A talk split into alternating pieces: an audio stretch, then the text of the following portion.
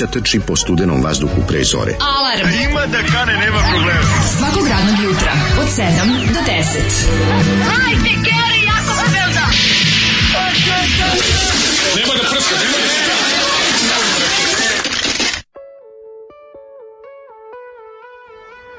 Jej! Spa Jordan! Sreda, sreda! Spa Jordan! Sablasna kočija Sablasna grupa. kočija grupa Crna Udovica. Crna Udovica. Kaže, da, Zoli, da. ovako više niko ne praši. Ovo je, ovo je heavy, kaže. Ovo je pravi ovo heavy. Ovo je pravi, da. Ovo je, ovo je taj... jebušarenje kako nismo čuli još od ovaj... Eh, kad je Zoli posljednji put napustio eh, pergament. Ne, ima ovo, ima, ovo, ovo, ovo ima neki momenat mm, banalnost heavy metala iz kraja 80-ih je prosto neverovatna. Što da. je banalnost heavy metala tačka je. Ovaj, mm, ovaj, da, ali kad pevaš na engleskom nekako to može da se zabašuri, znaš, to je velika pa istina. Pa, dobro, da, ovo nije samo kod heavy metala, to je kod svih žanrova. Ovo zvuči kao na engleskom zvučimo malo. New wave of žbađ heavy metal. Žbađ heavy metal, da, da. Ovo su crnodojci su iz Dubrovnika, oni su bili bend koji je bio onako jako velik na metal sceni. Ko je od njih krenuo? Ili da izašao neko od njih posle da nastavio da neki svoj? Neko poznat. Mislim, zbog toga što je, što je postao Oreo i e, osmi putnik iz kog je nastao Džibom. Pa, da, Mislim da iz ovog nije ništa. Možda ono bubnjar Džibom. Ali da, da, možda i ovdje neko iz osmog putnika nešto, nešto službovao kratko. Na. Da. Ali uglavnom, ovaj, kaže, to nije željezna cura, ovo su Zolijevi drugari. Mm -hmm. Dobro jutro, najbolji kurati drugari na svijetu. Žbađe još daj, Zoli, daj nam žbađe još. Daj nam žbađa, još nam žbađe daj. I to je doneo ovaj demo snimak Crne Dojče. Kaže, svi znaju za njihov album. Kaže, mnogo mi je bolji, bolji mi je sound na demo. Kaže, svi znaju za njihov čuveni album, zašto su oni kao dubrovnički opasni metal bend izdavali za PGP RTS, što mm, znači što je nedvosmisleni pokazatelj nekvaliteta. Kad u staroj zemlji znaš za da PGP, a nisi iz komšiluka PGP-a, znači, da ti, š, da to znači, ti šinice, škarica presekov vrpca. Skini se škarica, rekao, mrš u Beograd. to nosi ne, tamo njima, oni će to izdati. Ne, to je se radilo po ključu. Na. Mora malo iz Beograda Ovi, pokupite za mak... A ko zna stari kako? A nije ovdje već bilo, kao ćemo mi malo... Mislim, PGP imao problem. Znam, pa znaš kad priča Nikola Nešković u onom super dokumentarcu, da, da, kad kaže, da. mi smo malo imali problem da prepoznamo šta valja. Pa da, kasnije. Mi smo malo hteli, mi, mi bismo kao, kada, kada Jugotan objavi pet albuma nečega, da. mi onda stidljivo objavimo šesti ne, album nečeg kopije toga. Verovatno je Nečeg kopije toga. A nis, znaš, i snaga, ovaj, kako se unutrašnje kontrole bila interesantna ti da. pogledaj, pogledaj čovječ, ono što da. Šarla Krovata snime u PGP-u sve, ono treba da izađe, na kraju tamo neki ono ustane delegat i kaže ne može ovo okvari omladinu nek to i onda onda to bi Slovenija ili Hrvatska. Znaš, ono to to, da, da. to je uvek tako. A ovdje je bilo obrnuto. To je tužno. Ovde su ovi majstori, ovi kako se zove, ovo sta hebašarenje. Pa ti daš, ti daš snima, gotovo sve završeno, snimano u svom studiju i samo pokloniš drugom izdavaču u drugoj republici jer jednostavno ne da, ne, ne bojiš se. Kao, bojiš se. Ne, nije nego neko da ne, da vas, ne, da vas, neko ne tamo, razumeš, neki. Nego je fora da neki evo bruto, bug, ovi kako se zove PGP RTS, PGP RTV je uglavnom se tiče domaćih izdanja. Pazi, imali su ne dobre licence. Kad gledaš ko što s kime sarađivao od stranih izdavača da. i PGP i Jugoton su imali ono dobrih stvari sa dobrim stranim kućama su sarađivali. Ali u pogledu vlastite produkcije, si Jugoton je ono pet svetlosnih godina bio da, ispred, da, ono, PGP da, da, stvarno imaš jedno, i ovo su oni objavili. Dovoljno je pogledati, dovoljno samo pogledati šta je izašlo. I oni su ovo objavili, mi sve to već bilo ono teški, teški, ono, niko nije slušao više ovo kad je PGP mm, izdao mm. ovu vrstu NWOBTHM. Mm, da. E, ovaj, dobro jutro. Kažem, mladi. Dobro jutro, dobro jutro. Umorni smo kao psetari. Um, pa malo loših viceva. Mm -hmm. Šta radi bunjevac pedofil na pecanju? Ne Meće u dicu. 50 centi, banjac rođen je na isti dan. Pametno me dosta. Uh, gde može se naći pesma koju ste pre neki dan puštali Laže Pop? A Laže Pop tan, da. su, ovaj, pa ja mislim to... Imate na ba, ba, Bandcampu. Na Bandcampu, evo. Na Bandcampu ukucajte. Tandrkađije.bandcamp.com Tako, i skinite. Ima ceo album, jedna od pesama je i Laže Pop.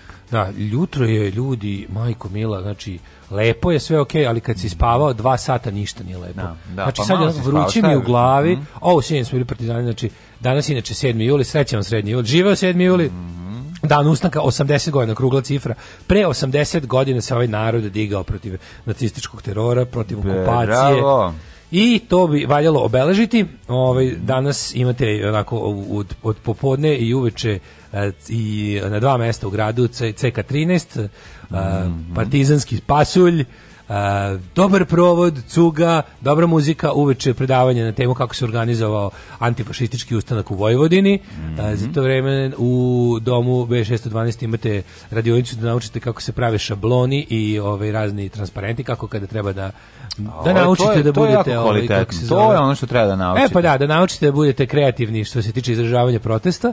Tako je. Ove, Ako ovaj- morate biti u šablonu, budite u dobrom šablonu. Jeste. A ove, ovaj, ajde čujemo jednu pesmu pa da ti pričam kako smo mi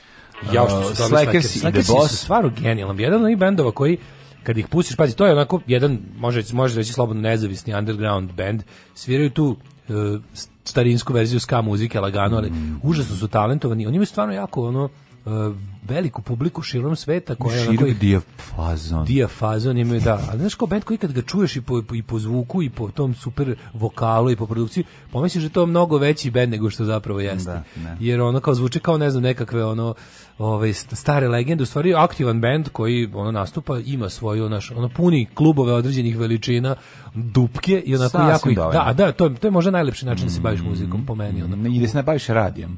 I brutal. Ne, nešto, oni su nešto kao mi, samo pa band. Pa to sam teo da ti kažeš. Samo band, da, da, da. Punimo, publi, punimo publiku određene veličine. Da. Ovaj. Uh, Kaže, ovaj, mlađe, nemoj ono moje, pusti Dašku sekretaricu od bokavaca. Traje dva minuta, primetio sam da ne kuka mnogo ako je pesma kratka.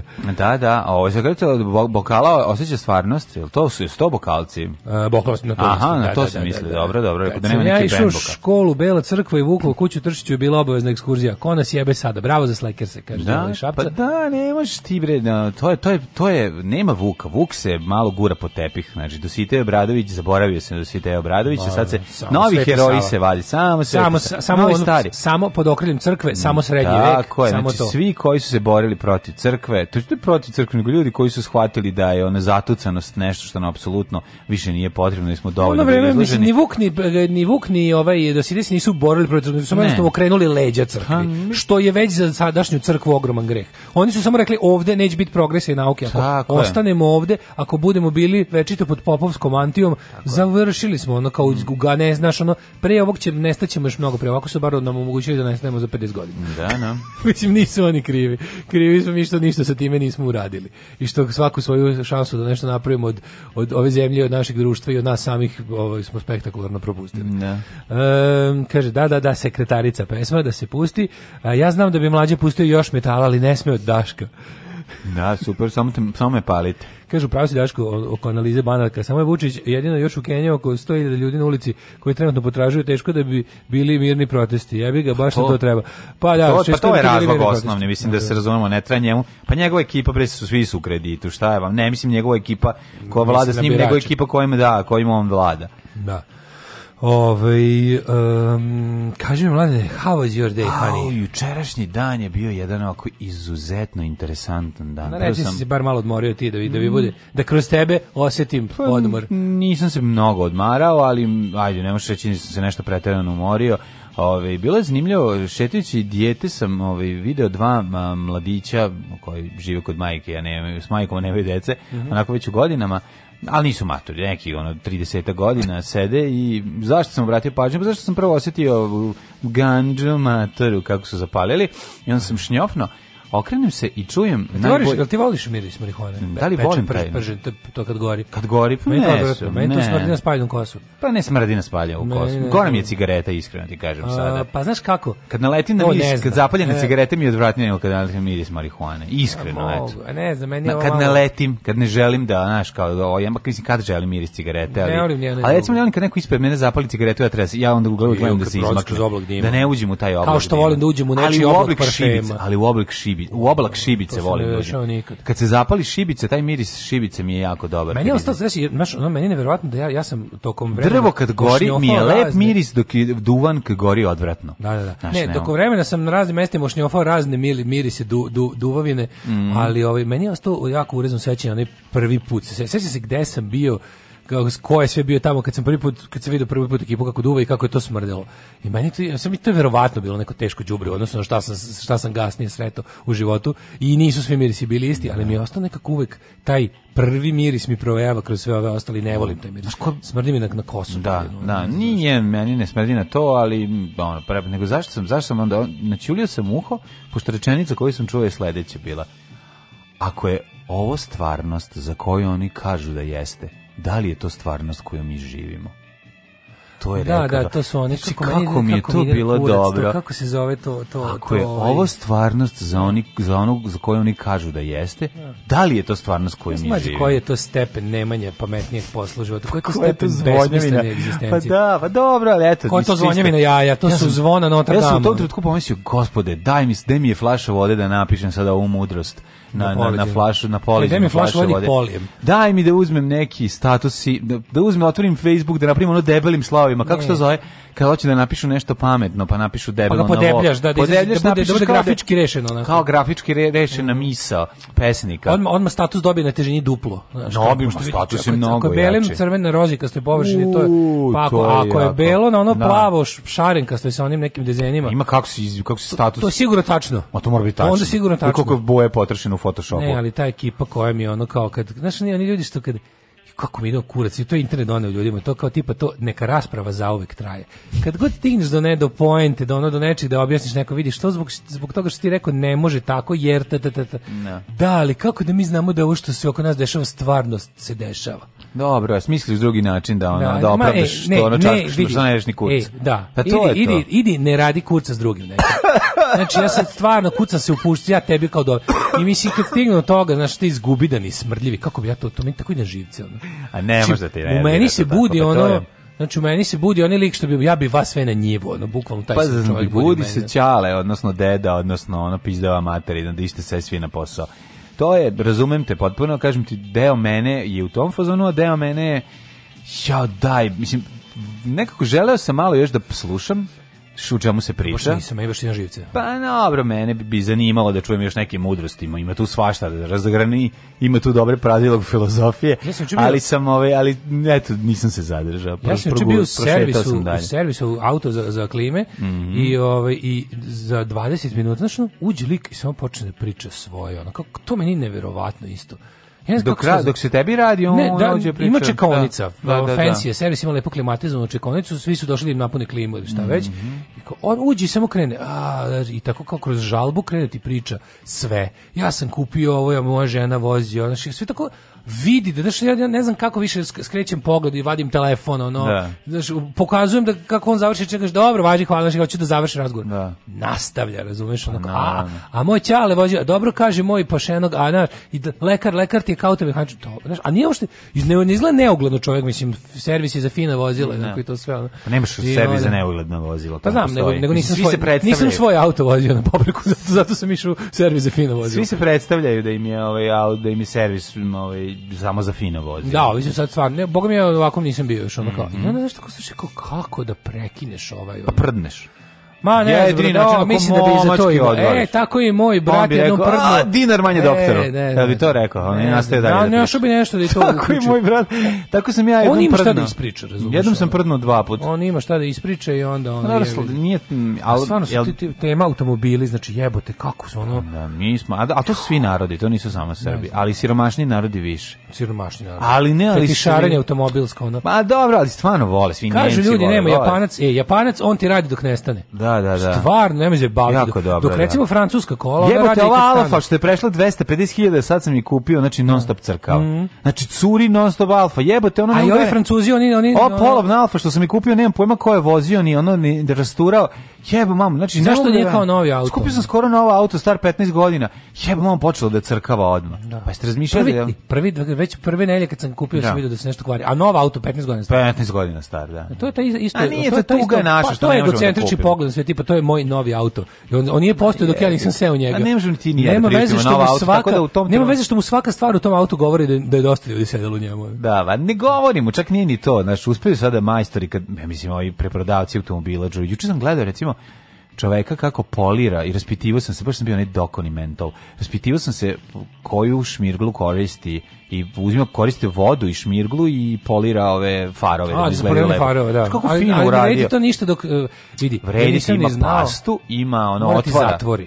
Mora, mora posle ga hermetički zatvori, inače ti inače ti ni zašto radio. Prvi kondenza će ti vratiti to sranje. Ja, na primjer, imam jedan far koji je super ispoliran i no. Da. super urađen i drugi za koji nisam ni znao da mi je ono nije ni originalni far, ja sam bio ubeđen da originalni far, koji ima, popustio mu je taj, kako se zove, ulazi vada i onda se pravi kondenzat i možeš ga polirati kako šta, šta je bilo? Izgleda da, da još pre neka, pre nego što sam ujavio Mm. Kad sam ga ja novog kupio, Kad znaš. ti novog kupio? Ja 18 godina, jebote, razumeš? Pa da. I onda ona kao i onda mi je ovaj rekao je kao super ti uradio ste, a će ti do prve tipa promene vremena toplo hladno, će ti se opet zamagliti iznutra. Da, da znaš kao čisto. Da, da, da. Ne mogu ništa da uradim. Kao, ne mogu ti menjam da- far kao, znaš. Da, al onda jedino tako može da da, da. To je ovaj loženje na automobile je jednostavno naša ovaj onako jedna večnost, mislim to se to nikad nikad ali kažem ti to mislim da to ne do, možda samo više se lože siromašniji narodi, ali loženje postoji u svim narodima. Mislim da ga jednostavno ne nije no, da, ne da, postoji da. razlika. I Nemci se jednako lože kao i ono i Nemac voli. Ne znam još primetio, ljudi kad treba pričati tome to uvežu nekako uvežu priču o automehaničarstvu uvek sa zdravljem i sa odlaskom kod lekara. Mm, da. To je ono u 80% slučajeva će lik kao prva kad, epizoda kad ponestane. Prva epizoda prvog servisa automehaničarom je kao hirurg da, uh, da. majstor. Da, e, isto, to, to reći pa Moguće da. da su i čuli to tamo. Mislim pa, sam ne, čuo neke fraze koje su direkt iz ono majstorske radionice ili prvog servisa. Pa ne, ali mislim ljudi Da, da, ne shvatajući... Platiš ovo, platiš lekara za kola, platiš lekara za sebe i eto, kao... Da, da, da, da, da. Ako kažeš jedno opšte ali, mesto, ali, ali, sad ću da popijem antifriz da legnem. I to ću da ovaj minus 70, da odmah umrem. Ove. Mi vozači znači, dačije se ne ložimo na kola. Pa da dobro, uvijek se priča. Da se ložimo nešto. na kola, ne bismo vozili dačiju. Nego mi je juče stvarno bio dobar, dan, dan mi je bio, nisam stigao da prdnemo ono od obaveza, ali mi je bilo sve manje više lepo. Uh, jako mi je drago što sam posle godinu i nešto dana uradio novu epizodu Toplih ljudskih priča. Bravo, I što je sam ugostio Zorana Janjetova, koji je jedan od omiljenih novosađena meni. Le, da, le, Najbolji meni. strip crtač, znači čovjek s kojim može se priča ono ceo dan. I to da, je bilo onda le, ono, da, bio sam le. na granici galebovanja, znači u, u, na sat i po sam nas zaustavio i rekao, daj da nađemo neke ono, da ja volim da stvari ne traju više od da, dužine, starog holivudskog filma. Tako, jednog I na seksa. Smo se, na, znači, jednog, do, je, jednog tako, dobrog seksa. Jednog dobrog seksa s dve znači, sisate plavuše. Dva i po sata i to je to. Kada ste, da. koliko je trebala misija? Sad i po daću da smontiram, pa ću nadam se danas i okačiti. Ovaj, Zoran je stvarno je najzanimljiviji ljudi koji možete se sresti, stvarno je ono. Tako da je emisija, ja sam vrlo sam ponosan. Radio ono. intervju 2009 ili 2008, da. prijatelju moj. Kad se zaukamo, ne možeš... Taj znači. čovjek je jednostavno, i tad je bio čovjek iz budućnosti. On je pričao o downloadovanju serija, o binđovanju, meni to ništa nije bilo jasno. Čemu ovaj čovjek priča? Šta je to? On gleda serije Binđovo, skido još tada. Tako da je bio na gući. Kad je Janja Binđova. Kad je Janja Binđova. Tako da mi je to bilo super i onda... A ja upisivao u svoju novinarsku knjižicu Binđova Binđovati. Šta je to? Proverći ćemo Proveriti, šta je to binđov. Šta je to binđov? Šta je binđov? Kad ga binđuju. Odlično, znači danas u koje vreme ćeš ovaj, pri, pristaviti emisiju? Posle da znam. posle emisije kad ti sečeš ovo, ja ću da, da, da, da režeš, ono, da ti da, da, da, da. da, Ja moram da podvučem onu muzikicu ispod lepše mi je tako nekako, pa da, no, pa mislim, to je jedino što ima se uredi, dodam špice i mećem. Odlično. A ovaj, sad ti htio reći, e, onda smo uče bili u Partizanima, danas je, kažem, 7. juli, mhm. odlična antifašistička i ovaj, ekipa, antifašisti i antifašistkinja Novog Sada su, boga mi, sinoć odradili jednu prelepu veliku akciju tapaciranja celog grada plakatima zahvalnosti partizankama i partizanima. Vidjet ćete kad izađete iz kuće. Pa da, a ovaj, e, stvarno onako smo se potrudili da bude sva ona udarna mesta. Ko Aca Lukas kad svira? Kao kad svira Aca Lukas, e baš tako je bilo. Ali stvarno posao bio veliki, znači ono, cel, po, do pola ne. noći smo ono, do, u dva se završilo, tako da sam jako malo odspavao, umoran sa kopseto. Šta ću ne valja sve to? Već me onako, beži mi malo i, i misao i pogled. I, Ti nemoj, evo ja ću danas da se bavim i politiku. Danas samo šaljive i zabavne stvari da. jer je ovaj jer je dan ustan. Tako da da, još ćemo to pomenuti kasnije kad budemo seli u Deloriana, ali eto Ovaj zaista najmanje što smo mogli da učinimo je ga da da odamo počast iako je ljudi koji su jel bili partizani i, i koji su bili partizanke ovaj sve sve manje, ali eto neka neka znaju da da postoji generacija koja im je večno zahvalna na slobodi u kojoj smo se rodili. Šta je šljunkare? Gdje ste to krenule? Šta je? Šta hoćete od nas? Bil volila da znaš? A, Fuksu, šta ti gledaš, jel? Alarm sa mlađom i Daškom.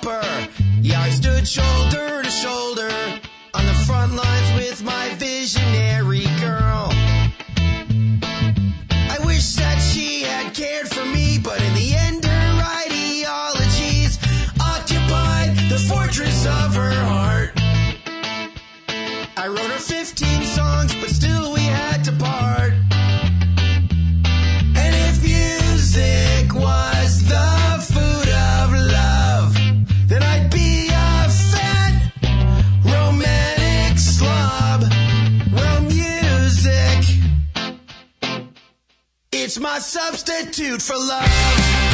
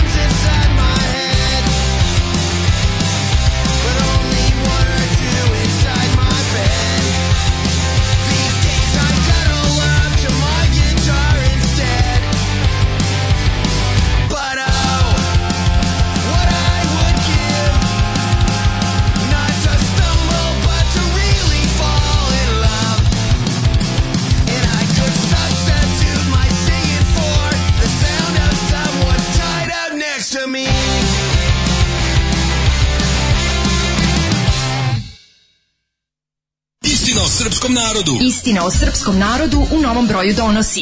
Ko sve, zbog čega i na koji način radi o glavi srpskom narodu? A šta su oni nama radili? Zločini prema srpskom narodu jedini zločini u istoriji. Istina o srpskom narodu. Nisam rasista, ali...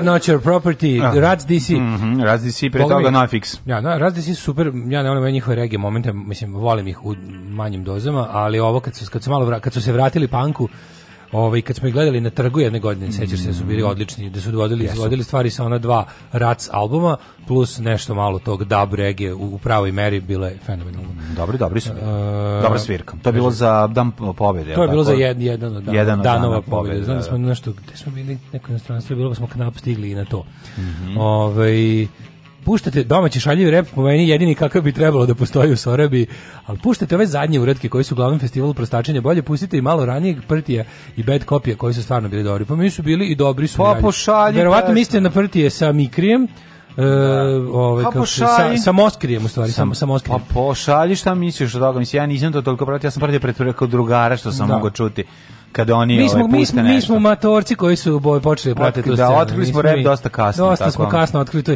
Juče sam stvarno uginuo od smeha na prti BG, u stvar ovo 20, cm mađije. Da, da, da. Si vidio spot? Nisam pogledao. Sa Lego spot. A Lego spot, znači, da, da, da. Toliko je smešno, da, potpuni kretenizam. Plakan od smeha.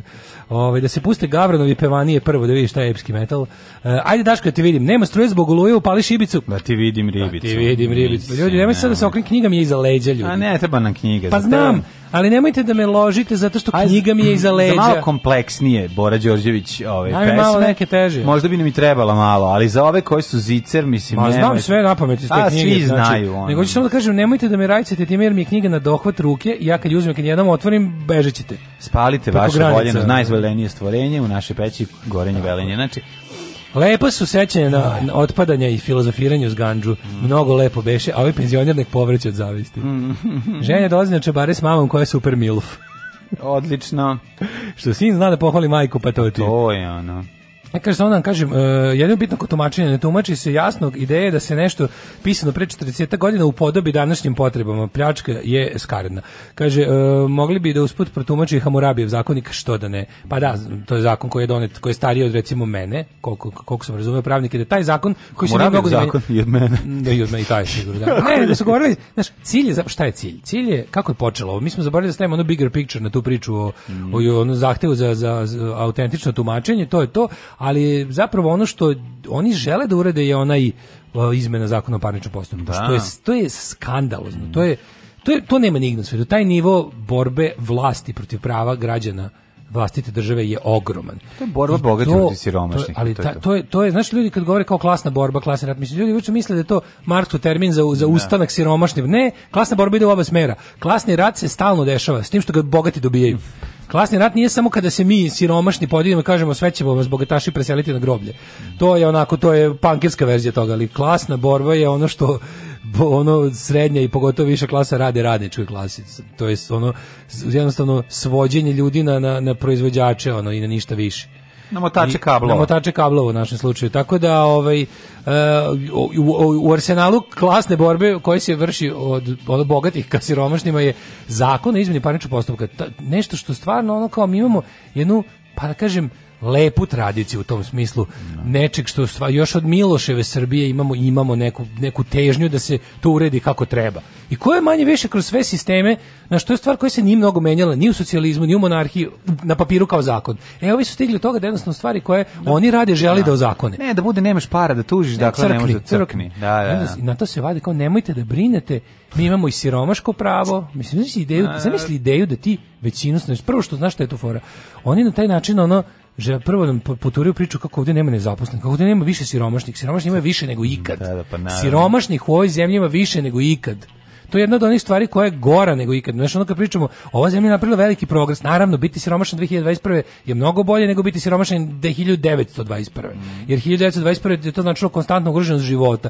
Biti siromašan u 21. veku ne znači da ti je stalno život visio koncu, ali to je jedan nedostojanstven život u kom si ti jedna eksploatisana strana koja ono ne može da stane na noge. E sad o tome se radi da i ne nam da kažu kao nemojte da brinete kao nije to baš tako kao ko nema da plati nema pristup sudu i pravdi. Mm. Imamo mi siromaško pravo samo znači oni šta žele da, da što više nas ove ovaj tamo i poziva se na to. Mhm. Pa nemoj me zabavati da izmenj, da menjaš zakon da bi potom ostavio mogućnost da, da milioni ljudi se pozivaju na razne ona specijalne klauzule u tom zakonu ne bili u sebi omogućili nešto što bi trebao svaki građanin da može. A to je dan na sudu. Naravno, kad pogledaš koja je beda, bre, naš, pogled, pogled sam koliki broj ljudi živi ono na granici siromaštva, pa onda samim tim, pošto nisu... Ima, ima tri, u tom pa to imaš kažem, granicu siromaštva, da, da, živec, imaš da. ekstremno da, siromaštvo. Pa, da, da, da, ali ono... Mi svega toga imamo previše. U Srbiji se računa da u ekstremnom siromaštvu imaš preko četvrt miliona ljudi. Znači ti četvrt miliona ljudi bi trebalo da ima svog svoju ozbiljnu poslaničku grupu u parlamentu. Da, da. O ekstremno to su ljudi koji su jako siromašni. To su oni kojima uh, materijalni status ugrožava život. Tako je.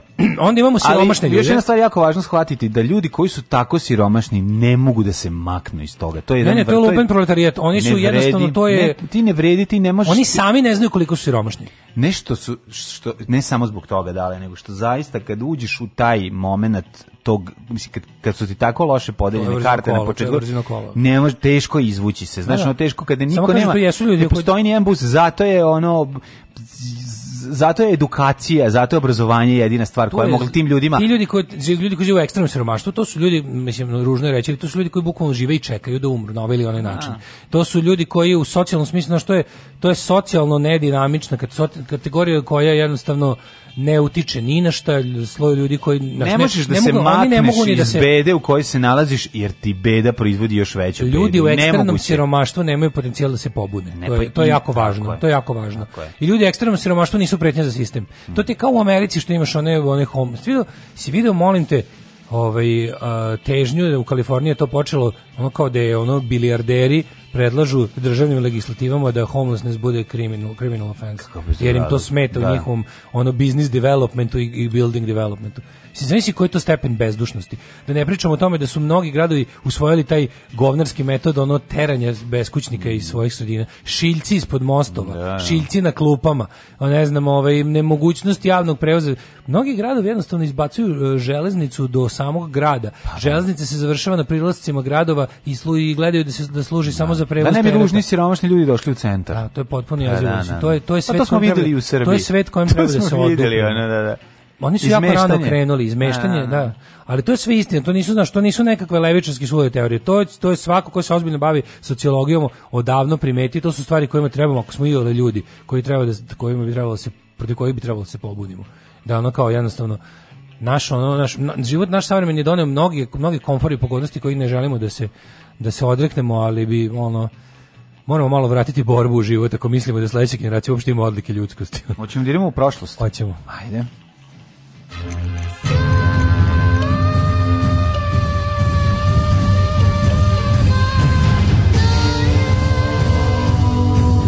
Dogodilo se na današnji dan.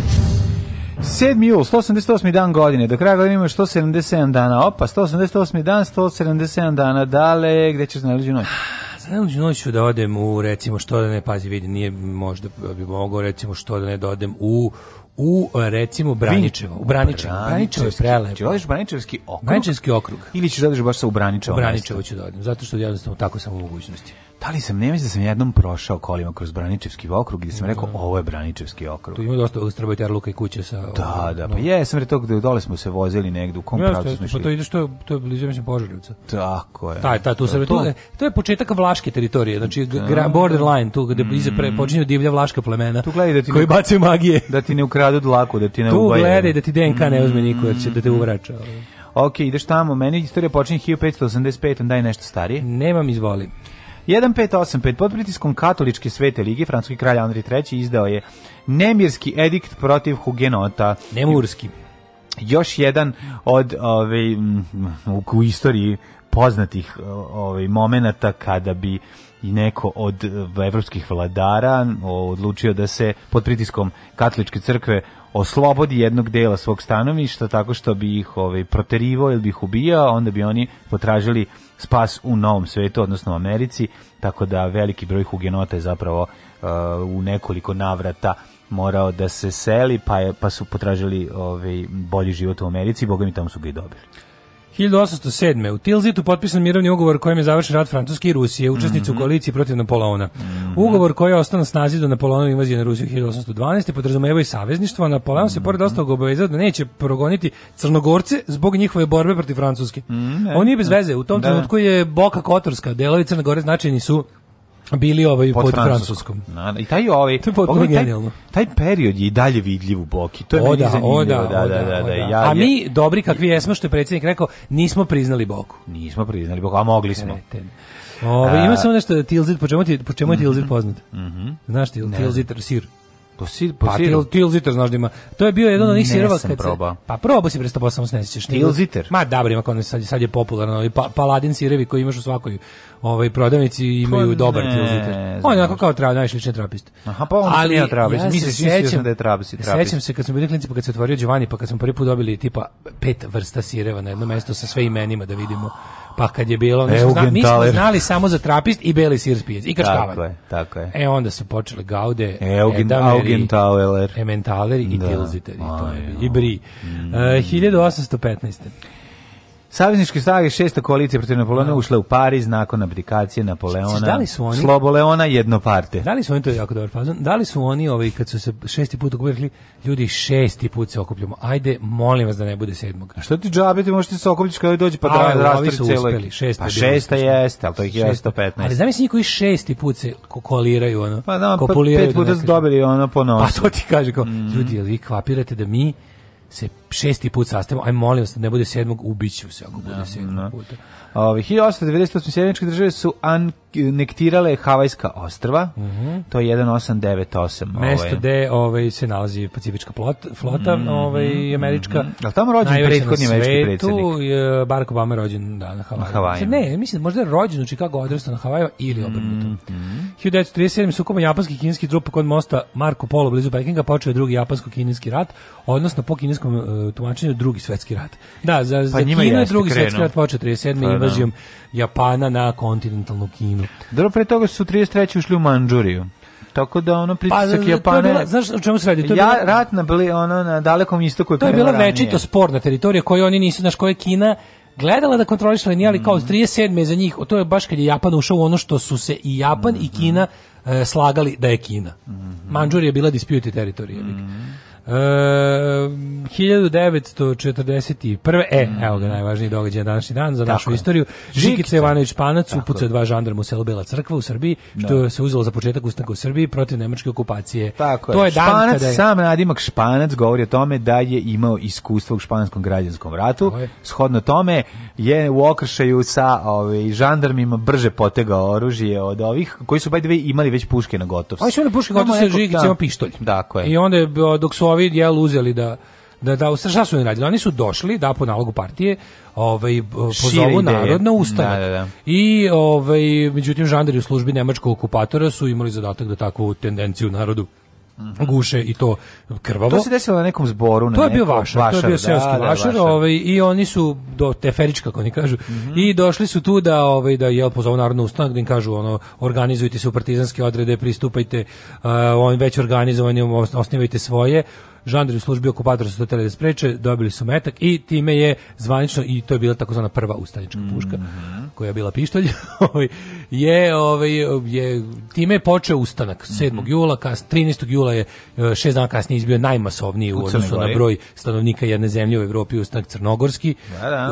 Uh, vrlo brzo je iako već formiran ovaj partizanski odred u Hrvatskoj još nije preduzeo nikakve akcije, ali su i oni u tokom tokom jula stupili u akciju, mm počeli da ubijaju ustaše i ovaj, okupatore.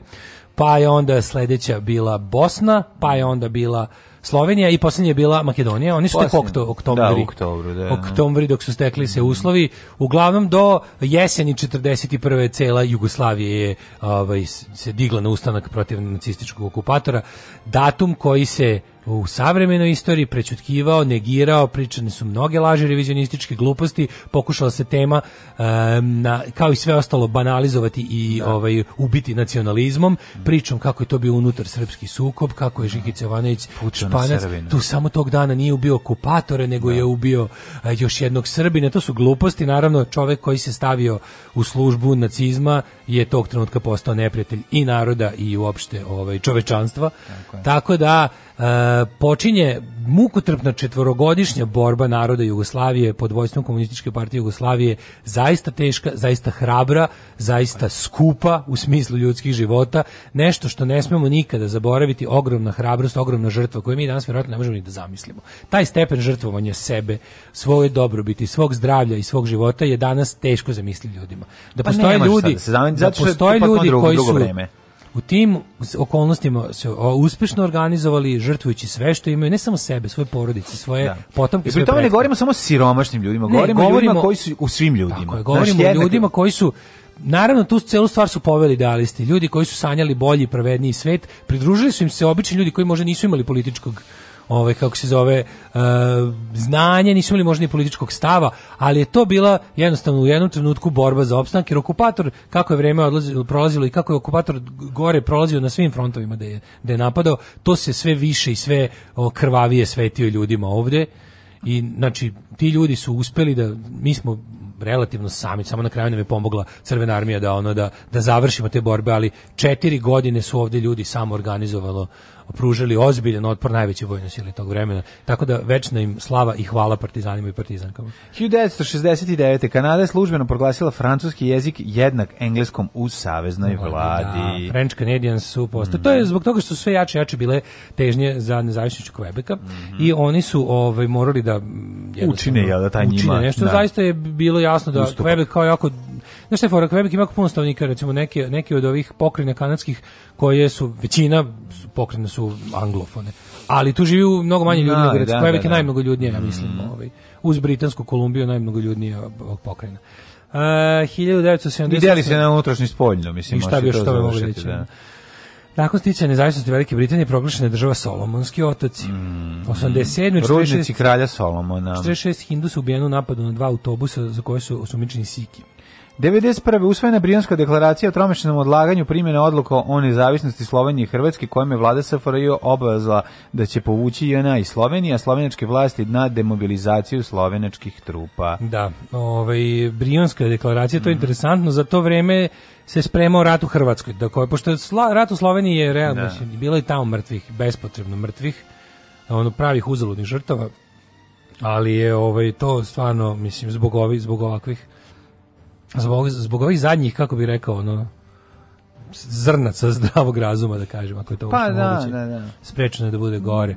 Ali to je iskorišćeno, nažalost, da se, da se spremi krvaviji ovaj, rat u Hrvatskoj, a kasnije Tako u Bosni. Deve, kao da su se uzeli taj kao da su se uzeli pljačkaškog tipa. Kao da su se uzeli time out da bi napravili gore sranje. Da. 94. Jemen je okončan dvomesečni građanski rat ulaskom trupa severnog Jemena u glavni grad južnog Jemena Aden. Tamo je to mnogo brže završeno. U Beogradu 95. je otvorena prva podzemna železnička stanica, da, to je prva tako jedina. Lupetanje. To je da. ljudima prvo bilo pokušano da se proda kao beogradski metro. Mm Kad je mhm. postalo jasno da to nije metro, nego je to samo to, radi stanici Vukov spomenik. Mm -hmm. spomenik koji je obična železnička stanica za, za ovu za regionalnu nacionalne i lokalne mm -hmm. linije vozova sećam se dobro ovaj otvaranje Vukog spomenika i iz Miloševićevog ono govora tipa to to Milošević otvorio gde je bilo ono kao evo Srbija i uprko sankcijama uprko ne znam da. izolaciji tu su kao sankcije bilo malo bavile jer to ne u stvari tu još nisu izvinjavam se da. tu je bilo kao laganer se jer se Milošević Jesu počeli da olabavljuju, ali nisu skinute zato što je tu treba to je pre Daytona. Dobro, on je još bio faktor mira, kreta da bude faktor mira i stabilnosti. To je pre da? Daytona, to je kad malo bolje razmislim i pre Srebrenice, ali je ovaj mali malo pre nekoliko dana pre. Ali je ovaj Milošić nam to objasnio kako ne može nam niko ništa jače smo sube. Pogledajte kakva mi čuda tehnologije i građevinarstva sprovodimo u, u međunarodnoj izolaciji. 2000. godine. Ceo tiraž knjige Harry Potter i Kamen Mudroser, ne, i Vatreni pehar četvrtog nastavka avanture dečaka mađioničara. Dečaka mađioničara, čarobnjaka, majko. Dobro, da piše mađioničara. Ne, piše mađioničara. Je u pretplati pre nego što je izašao iz štampe. Znači, pre... Da, ja mislim da je to prva instanca ono, na te, što kaže, pretplate ovaj, još od u zadnjih 100 godina da je knjiga planulo u pretplati. Ono. Da, da, to je da. baš bio onako nekako više da običaj da starih vremena. 2001. SAD su predale japanskim vlastima narednika Timotija Woodlanda osumnjičenog za silovanje mlade Japanke na ostrovu mhm. Okinawa. Mm -hmm. Woodland je osuđen na 32 meseca zatvora. Uh, e, 2005. u terorističkom napadu u Londonu poginulo 56 osoba. Mm -hmm. Sećamo se ovoga, taj dan smo mi nastupali na Exitu. Mhm. Mm Volim punk. Što voliš punk? Zato što... Zato što sam punker, evo. Alarm!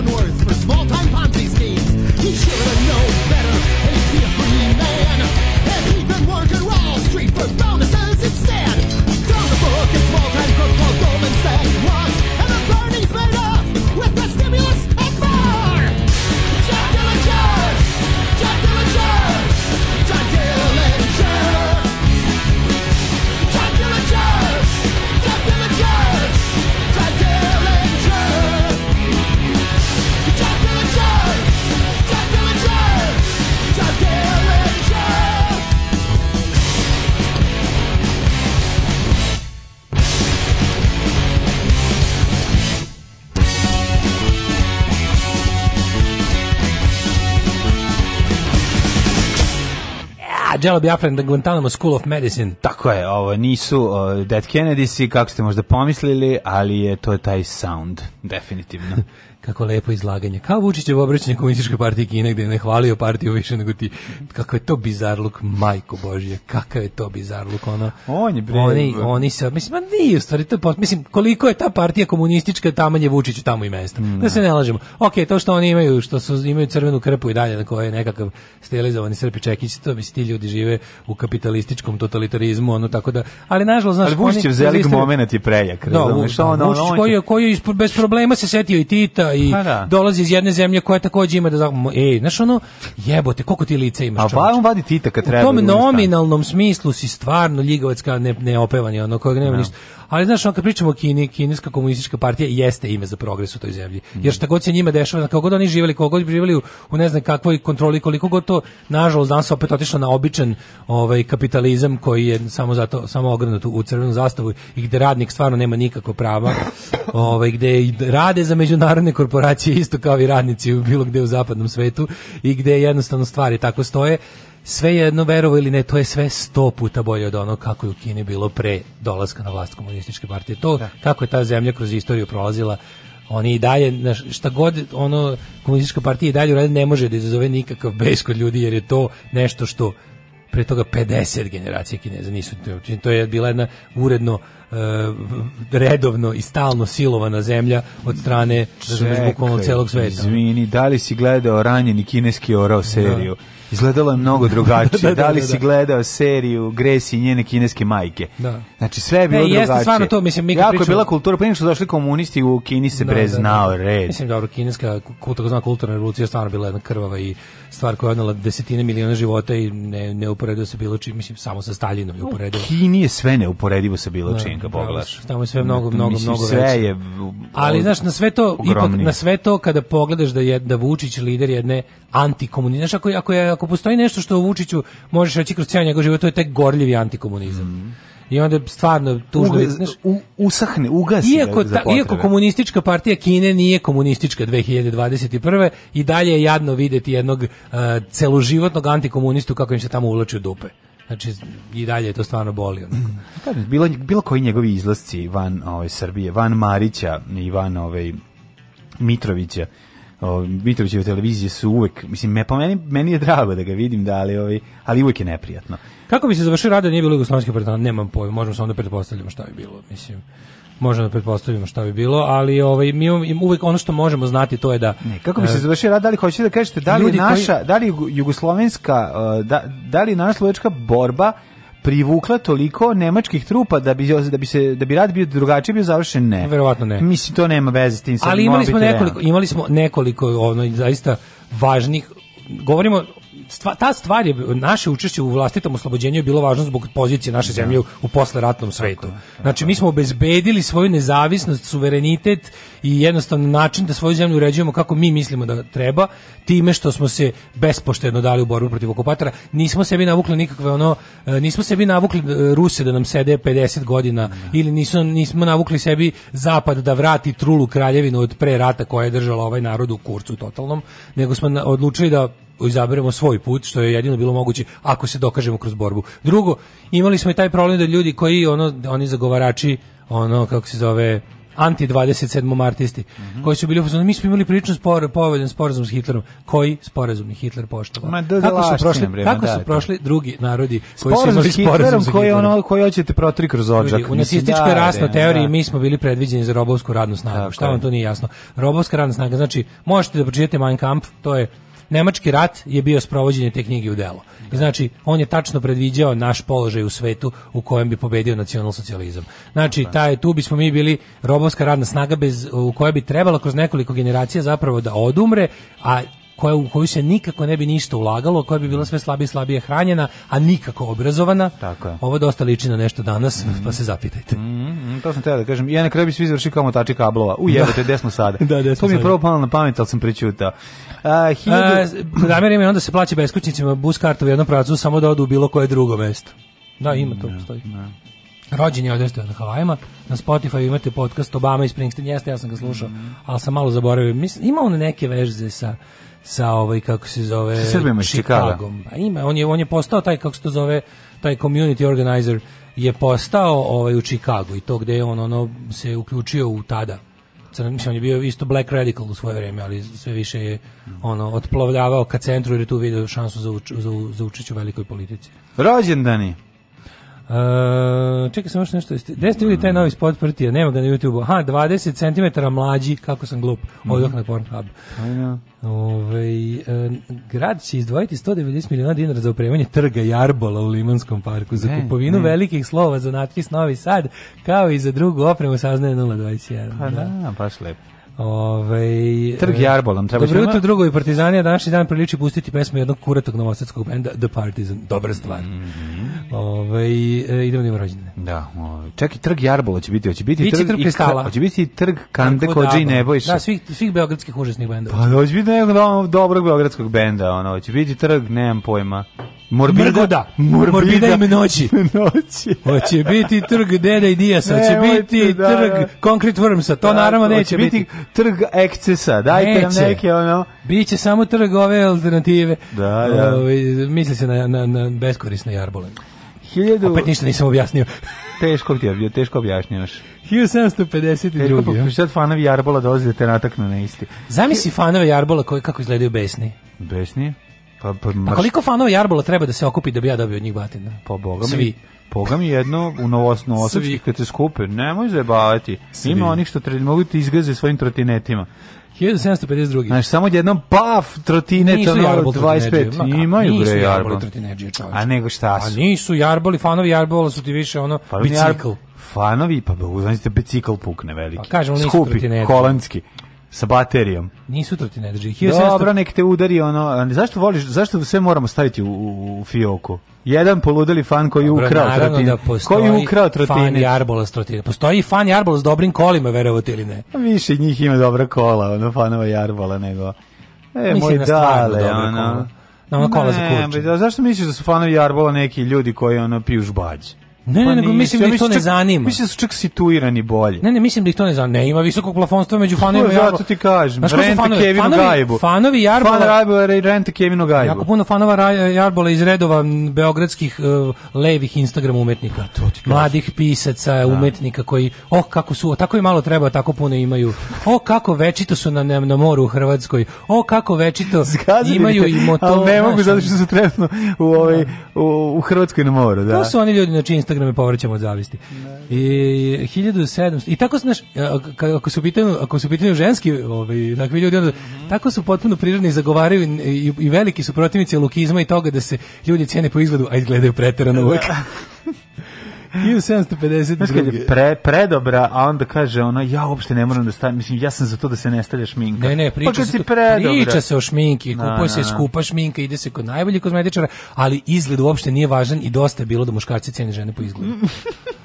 E, francuski pronalazač koji je 1801. izumeo mehanički tkački razboj, da, zove da. se Jozef Marie Jacquard. Jacquard, čovjek iz razbojničke porodice, oni su radili razboje. 1834. Jožef Angster, eh, graditelj Orgulja. Mm -hmm. Ja sam graditelj Orgija. 1843. Camilo Golgi. Camilo Gol Golgi, e, američki, italijanski mhm. naučnik i lekar, dobitnik da, za zavarivanje. Da, da, da, dobitnik Nobelove nagrade da li ti za znaš da je... fiziologiju i, ili medicinu. da li ti znaš da je Golgijev aparat bio do tamo negde kraja 70-ih osporavan u... Znaš on koliko je biolog, koliko biologa je verovalo da. da postoji, toliko je biolog tvrdilo da ne postoji. Na kraju ga je neki lupiću sad ono engleski naučnik je definitivno dokazao postojanje kako znači nisi mislili struju nisi imali gde da uključi Gordijev aparat za zavarivanje. Ja, da, prisu aku verziju. Da, da, da. Marko Došen političar 1859, Gustav Mahler, austrijski kompozitor i dirigent. Mark Chagall. E, znaš kako je stradao Gustav Mahler? Da, ubio sam sebe. Pa nije bio i malerozan jako. Kad je dolazio na, kad je dolazio na posao u austrijsku Bečku filharmoniju, ovaj, pre, pre, prvo je sam sebi zatvorio ovaj, klavir na prste, zatim se okrenuo, pa, pao i probušio oko dirigentskom palicom, onim što piće. 1893. rođen je Miroslav Krleža, književnik i enciklopedist. Po mnogima najveći jugoslovenski pisac 20. veka, ja sam ti mnogi. Definitivno, definitivno. Ja spadam u te Krleža. mnoge. Čitajte Krležu kad god stignete. Šta god od Krleža vam padne mm. pod ruku, pročitajte, nećete se pokajati. 1895. Svetislav Stančić, hrvatski pijanist. Vittorio De Sica, italijanski reditelj i glumac. Čitajte sve od Vittorio De Sike. Njegove De da Sike, pogledajte. Tako je. Kradljivce bicikla, ali to je bicikla Kradljivce bicikla. Mm, verovatno. 1907. rođen Robert A. Heinlein, američki SF pisac. Zašto si preskočio preko skandinavske heroine i terine? O, mislim, heroin skandinavski. Skandinavki, pa naravno. Itarina, jugoslovenska filmska glumica. Gitarina poznata, samo po tome niko nije znao njoj ništa, kad smo mi bili klinci, samo smo znali da treba se uba, da se glumica Rina treba da se upiše Ita. Ja umriću koliko na ovoj slici Dragomir Felba, jugoslovenski srpski filmski pozorišni i televizijski glumac liči na mog druga Milana Radanovića, istoričar. Jako dobro izgleda Felba. Felba sa onom njegovom frizurom zaliz nazad. To majku. je ta, ta kosa kroz koju ne prolazi metak, razumiješ? Da, da, da. Kosa koja zaustavlja metak, ta. 嗯。Pierre Cardin, 1922. Mm -hmm. Dejan Medaković. Šta je Pierre Cardin? Modni kreator, modni kreator. Da. da, je odatle, mislim. Je... Da, da, da, on je samo modni kreator, mm -hmm. pa mhm. njegova kompanija kasnije, koji svi ostali, sve to počne kao mala krojačka radnja, a završi kao multinacionalna korporacija. Mm -hmm. 1930. Biljana Plavšić, Gadura. Mm -hmm. uh, 1940. Richard Starkey, poznati je kao? Uh, Ringo Starr. Bravo. Mm -hmm. uh, Juro Tješanović. 40. engleski muzičar i glumac, najpoznati kao bubnjar grupe Beatles. Da da, definitivno. Ne mislimo na Đuru Tešanović, a Đuru znaš kakav da, glum, da, da, odličan. Predivan glumac, sjajan lik, genijalac. Ali na, ja volim kad ispričam Lenonovu anegdotu na ovoj konferenciji za novinare. Da li je Ringo Star najbolji bubnjar na svetu? Na šta Lennon kaže, Ringo nije najbolji bubnjar u Beatlesima. A znaš šta je super? Kad je ovaj sad jedno okačio pre nekog vremena. Ovaj, što juče rekao? A, što je Ringo Starr okačio kao, koji ste Beatles, pa on ispod John Lennon. I jo, ovo ne radi ni kurcu, da je ovo Kako je carski. Jako da radi, radi test, on ispod John Lennon. Kako je genijalan. Kakav je on car, koliko je to dobro. Kaže, ovo je teško sranje, kao nemojte ovo. Ne, ne valja ovo. Ne valja ovo, ja isporim, ja ispo John Lennon. Kako dobro, neko toliko car. Kao što je juče Janito u emisiji u Topnim ljudskim pričama rekao, kaže, rekao, kao, pa mislim, kao prvo, ono Novi Sad nije evropska predstavnica kulture. Mislim, Novi Sad nije ni evropska predstavnica, nije kulturna predstavnica ovaj, Vojvodine. Ima u Vojvodini kulturnih gradova. Ove, umrli na današnji dan. Uh, čekaj, još stani bre, Lisa Leslie, američka košarkašica rođena Ber... E, preskočio sam 43. nekoga. Koga? Tota Kutunja. Toto Kutunjo, bre, čovječe, nemaj mi Unite, United, You Rock. Lašete mi da- kantarja. Tako je. Oj, ovaj, čuveni hit, da. Omar Naber, slovenački pevač i Li Adi, ganski futbaler. Ajde sad, smrti. Kaže se danski, ne ganski. 1307. Edward Longshanks ti dugonogi. Mm Planta Planta Plantagenet. Mogu si strelu kroz noge da mu proteraš. Da, ali 1572. ne između. 1572. Zigismund August, poslednji poljski kralj iz dinastije Jagiellonica. Kad to kažeš, meni odmah u glavi ovaj, moj prna, profesor eh, srednjeg veka Petar Rokaj. Sigismund. 1816. S kojim si jednom prilikom? Im šorali zajedno. Ovaj, Arthur Conan pobedio me. Šoro 10 minuta više od mene. 1930. Arthur Conan Doyle, engleski pisac, tvorac... Zato je on profesor. Slavnog detektiva Herloka Holmesa i njegovog brata Sigirskuna Holmesa, o kome se dobro malo priča. Ima i Sigis. U pravi zapravo je Minecraft, a u ovome u, u onoj el, ML Brooksovoj verziji. Ovaj, je to ovaj Brooksova. Sherlock tu glumi Michael Caine. Sherlock Holmes younger brother tu se zove, tu se on zove... Sigi se, Sigi se... Stvarno zove Sigi? A ne znam, tako nešto. E, Sherlock Holmes ima brata Mycrofta, ima... kod, kojeg je Conan Doyle napisao. Da, ali A... ovi, su, ovi su napisali retardiranog burazera, da, da, da, koga se igra, ako se ne varam, John Wilder. Ja mislim da igrao Michael Caine. Ne. Ne Michael Caine, mislim da igra Michael Caine. A moguće, stvari, ko znaš... Sherlock Holmes is younger brother ali nije od ovog pričamo dva različita filma. A, znači ti pričaš o jednom da, koji ja nisam da, gledao, a moguć. pričam ja pričam drugo koji ti nisi gledao. Moguće. Ovo je dosta interesantno. 35. umro Simo Lozanić, hemičar, prvi rektor univerziteta u Beogradu. Mm. E, Moš Šaret, drugi premijer Izraela, 65. Mm. umro Horkheimer, 73. filozof i sociolog. Sid Barrett umro 2006. Engleski e, muzičar. Ludi Diamant prestao da svetluca 2006. Jesi, snimaš grupe Punk Floyd, pa onda Borat Todorović nas pustio 2014. Evo Zore, evo Dan, evo Mate Bobana, mm. hrvatski političar iz Big 97.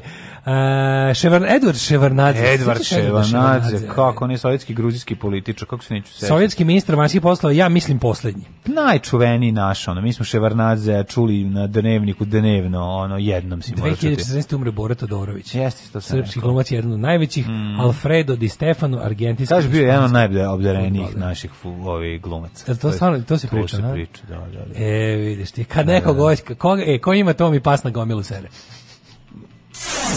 Kako ću ti se usati u život, kurvo? Alarm svakog radnog jutra od 7 do 10.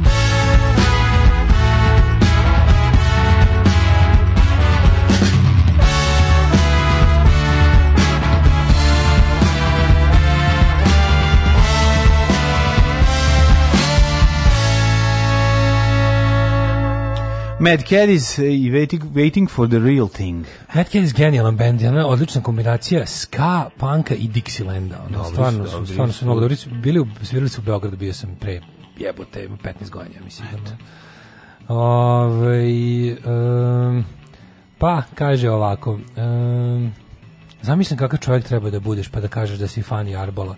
Ok, da ih slušaš, ima nas raznih, ali da kažeš da si fan Pa mislim, pa dobro ljudi kažu da sam fan Garavog Sokaka, šta sad? A ne. Ovaj, u čast velike države Kanade e, promenite kako grad Quebec dobije ime i ako možete pričati malo na kanadskom, francuskom jeziku. Kanadine čovjek dana nije uvestiva po svojoj genijalnosti i lepoti, ne, nego po ne. tome što ljudi masovno spaljaju katoličke crkve. E, već, ja mislim da je sedam ili osam izgorelo. Pa da, u znak odmazde za ono da. što je rađeno ovaj, deci domorodaca u, u, jako u periodu stvaranja Kanade.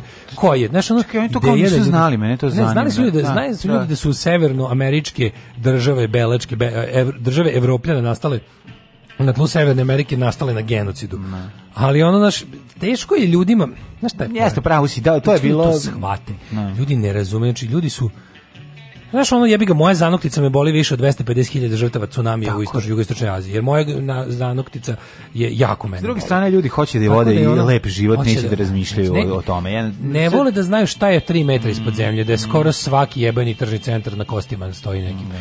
I da je ono, i to na kostiju ljudi koji su mogli da, domu na drugi način, a ne da. od ruke belog čoveka. Mislim, to kako je osvojeno na severna, mislim, to je genocid jedan kroz jedan. I sad, znaš, ljudi koji to, kojima koji to ljudi kojima to dolazi iz dupeta u glavu. Kada ljudi ono vide, kada ljudi osete neku malu nepravdu na svojoj koži, pa onda imaju dovoljno empatije koja nestaje, ali se ono kod nekih ljudi, kod većine ljudi se zatire, kod nekih ljudi se ne može zatrati i, ja, i ja, rađa se jača. Kada to ubaciš, patnju koju si ti prošao u životu, samo zamisliš da postoje, da to, da to nije ništa sprem onog što je, neko, što je čovek uradio drugom čoveku na nekom području.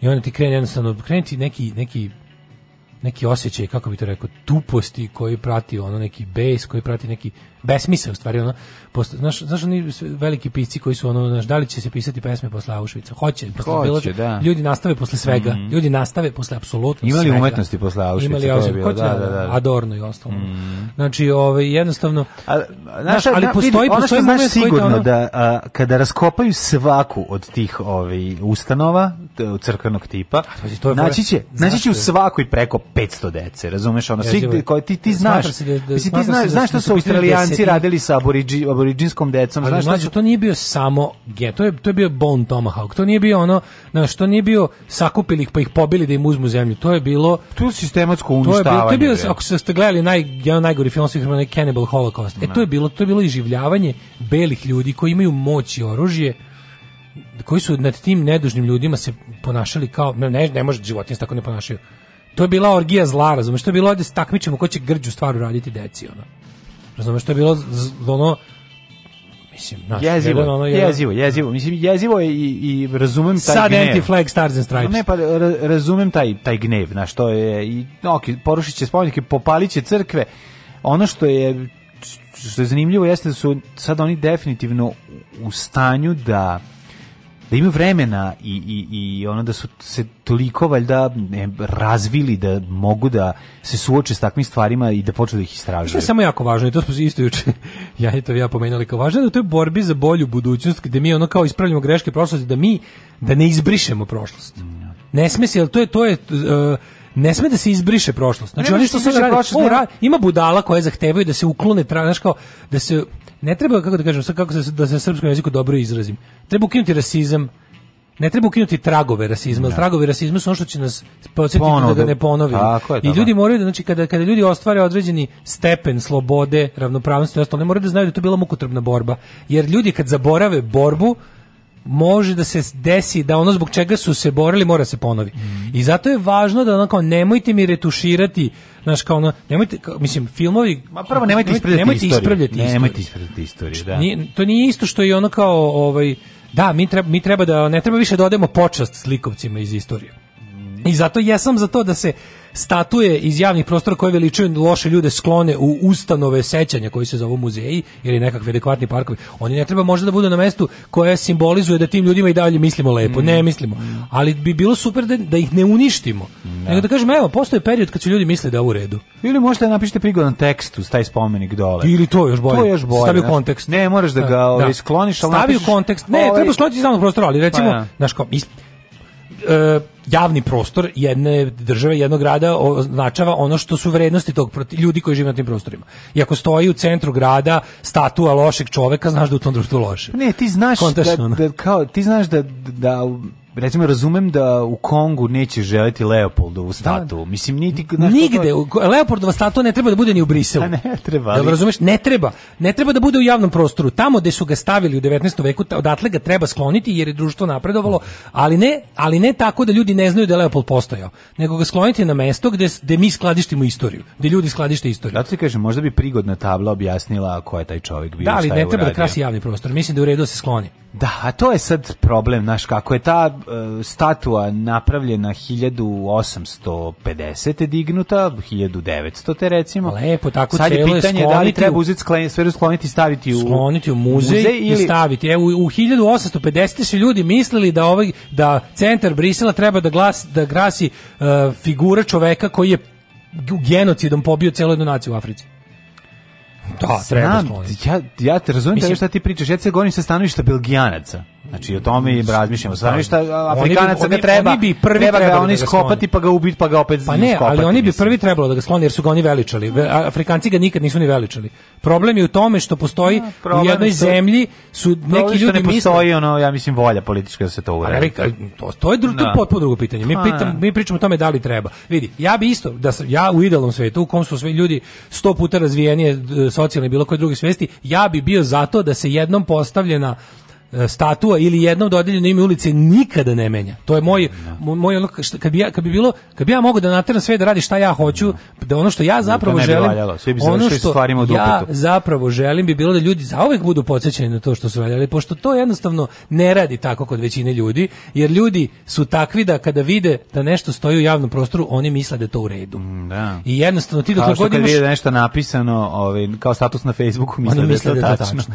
I zbog toga je ipak jebi ga, neophodno loše stvari skloniti iz javnog prostora, čisto da bi ljudi znali da, da, da je društvo se pomerilo odatle. Da, da. Ove, um, Zanimljiva teorija s no. kojom se ne, sla, ne slažem u potpunosti, ali mogla bi se o tome pričati. Kuranje, sve to stoji, imate svaki dan dokumentarac na klasiku ili FX-u o Đujiću, Kavaj i ostalima, pa eto, to se sad uvodi da, kao da, da. nešto što treba. A Aboriđini misliš na ukradinu generaciju.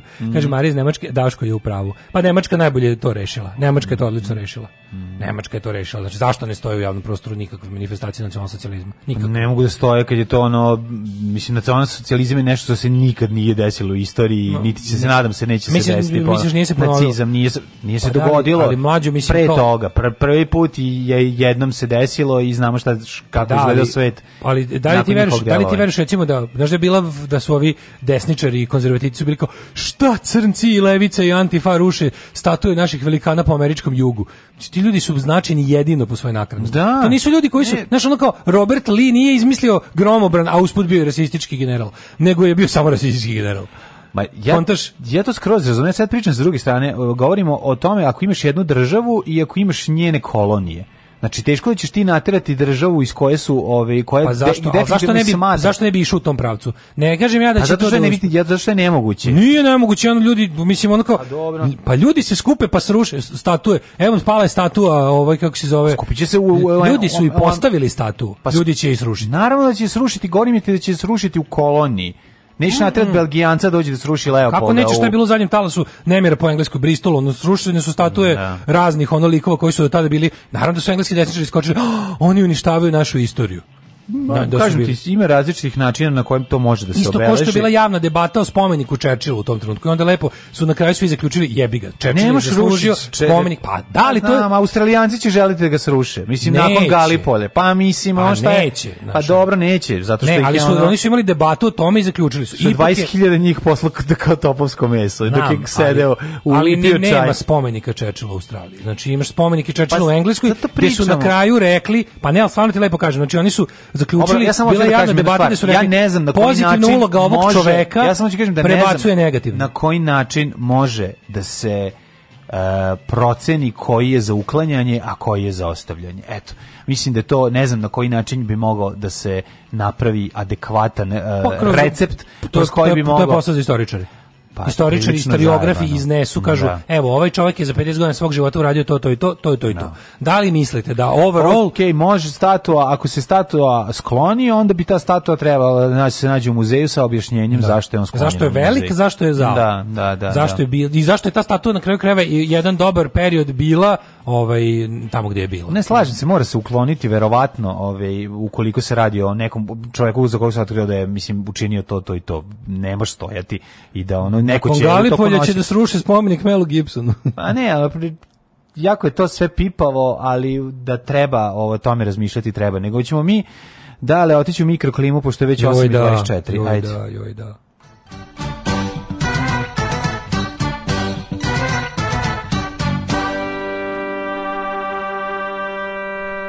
26 stepeni u Subotici, Sombor 25, Novi Sad 27, Zrenjanin 28, Kikinda 25, Banacki Karlovac 25, Loznica 23, Smet, Sremska Mitrovica 24. Zato je meni bilo čudno kad sam ušao u Belinski muzej pa sam gledao period od drugog svjetskog rata, ovaj, nema svastike puno i onda mi bilo... Ovaj, o, imaju oni kako dobre muzeje i postavke u kojima dobre ima muzike, sve. Ali ću ti kažem da u Berlinu u, u, u, muzeju sam video nekoliko, jednu malu postavku, uključujući jedan flak top, i još nešto iz drugog svjetskog rata. Ne, možda, možda nisi bio u muzeju baš to, ali, ja u dobrim muzejima, vidio sam ja svega što sam želeo da im samo ti kažem da mi ta postavka me iznenadila. U Nemačkoj, ne, možda, bio si u istorijskom muzeju. Da, da, da. I fali drugi svetski rat tu je bilo malo, manje drugog svetskog rata nego što sam ja želeo, al dobro. E, ali zato, imaju ga dovoljno, oni u Berlinu. Zato da oni imaju treba. u Berlinu četiri da, da. velika... Oni bukvalno ne postoji ni jedan... Znaš šta je fora? Što u Nemačkoj svaka izložba o periodu nacionalsocijalizma mm -hmm. je kritički postavljena. To nije ono da. kao samo izvolite Ma, pa vi... Naravno, nema ne. ono dođite, vidite pa donesite ono kao, naš ono slobodno tvače, svata i, topor, i topografija terora i sve ono ostale. To su ogromne, posebno e, dizajnirane, odlično urađene. Znam da li bili smo zajedno. Da, to je samo jedno, jedno četiri. Mm. Znači, ti bio što... sam ja u muzeju holokausta, bio sam ja jevrejski muzej. Je, bio pa sam. A posebno muzej holokausta. Pa naravno. Pa, znači da to u Nemačkoj toga ne fali uopšte. Ne fali, ne fali događaj govorim ti da kada se predstavlja rat uh, uz oružje i topove i ona da postavka postavke te ove, ovaj, su, po meni sam mislio da će biti više. Znaš koja se debata je... vodila u tom, znaš u kom su oni fazonu? Nemački istoričari ne... i, i, društvo su u fazonu da ne može u Nemačkoj da bude neutralni muzej rata kao fenomena, mm. drugog svjetskog rata, jer oni kao u fazonu nemaju pravo na to. Pa. I oni su rekli mi ne možemo postaviti muzej da će ljudi kao da prezir, evo ovo je bio drugi svjetski rat, ovako je bilo oružje, ovako su izgledali vojnici, ovo su bile bitke. Ne, mm. svi njihovi muzeji tog perioda su bukvalno kritički. kritički da, da, okay. da. sve u redu. Ove, ovaj, Crni vrh 23, Negotin 26, Zlatibor 20, Sjenica 13, Požega 19, 19, Kraljevo 23, Koponik 16, Košumlija 21, Kruševac 23, Ćuprija 23, Niš 22, Leskovac 22, Zaječar Uh, 22, Dimitrovgrad 20 i Vranje 20. Ja sam tad igrao baš Return to Castle Wolfenstein, pa se pa mislio... Pa si da, da vidiš... Pa ne, teo sam, znači, mislio da će naleteti na komet ili na ovaj, na leteći tanjir sa kukastim krstom. Da, imaš i to, to postoji, imaju oni i tenkovski muzeji, to sve, ali da, bukvalno da, da. sve što se tiče Sigurno tog perioda je izuzetno, izuzetno ovaj, onako, ovaj, stavljeno u kontekst. Bukvalno nemaš, ne možeš da vidiš, znaš, ne možeš da vidiš bukvalno ono kako izgledala manjer kao ono nemačkog vojnika u drugom svjetskom ratu, bez da pored piše ovo je zlo. Da, da, što je sasvim u redu ovaj, s obzirom šta, se, šta je proizvedeno, apsolutno razumem. A, vremenske prilike za budućnost, danas, sutra, prek sutra, a, do subot, tek u subotu možda, ali neće, bre, 36, 37, 36, pa onda 34, bit će ovo jedna vrela nedelja. Svakog prokletog radnog jutra. Aco, vozi me da završim tu jebenu gimnaziju. Alarm! Alarm. Sa mlađom i Daškom.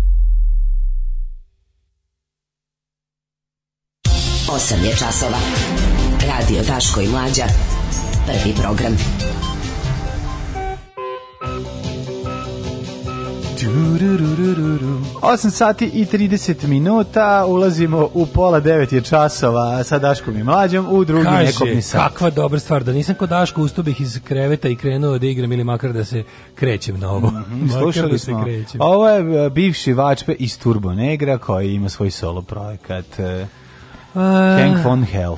Nemci kao i ostali narodi nisu u prvoj generaciji došli do Katarze, su to očekivati od balkanskih plemena, posebno što su bili pod okupacijom saveznika narednih 30 godina za razliku od nas, koji smo posle batina bili pod sankcijama, ali slobodni da u svoje četiri zida zalivamo nacionalizam, dopisnik sa Ibarske tačno. Čak i to nemate, nemačka denacifikacija koja pod zapadnom okupacionom zonom nije ni sprovedena, po ruskom jeste, malo nakaradno čim se tako brutalno nacizam vratio, čim se Rusi sklonili.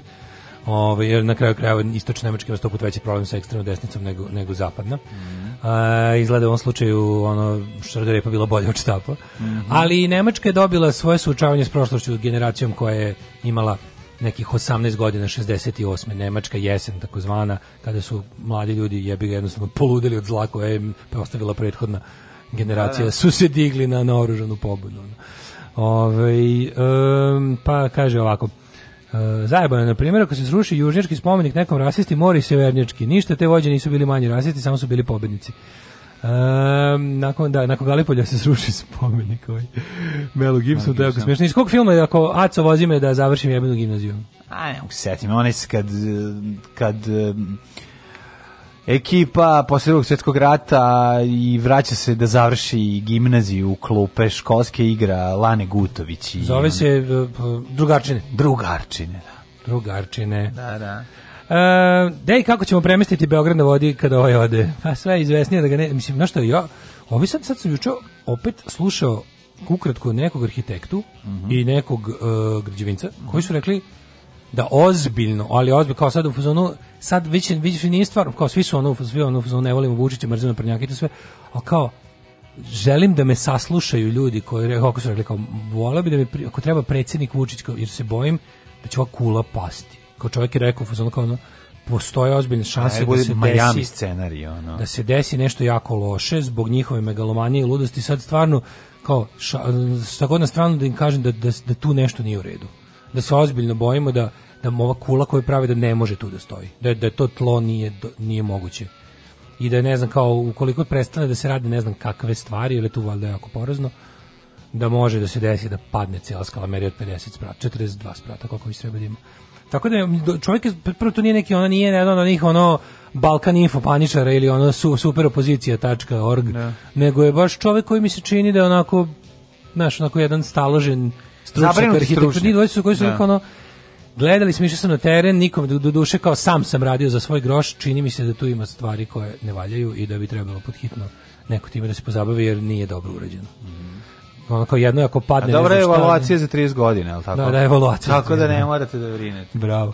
Ove... Sačekajte još malo, ono, usporite otkuce srca svedite životne funkcije na minimum da bi duže živeli i da onda kao kornjača za Galapagosa za 30 godina ustanete kažete Miljacka je toliko e, bučna da vas jedva čujem jutros, pozdrav Derani, uskoro ćete i vi negde zbrisati. A, neko je došao. Čekaj, to znači da ste u Rajvosa?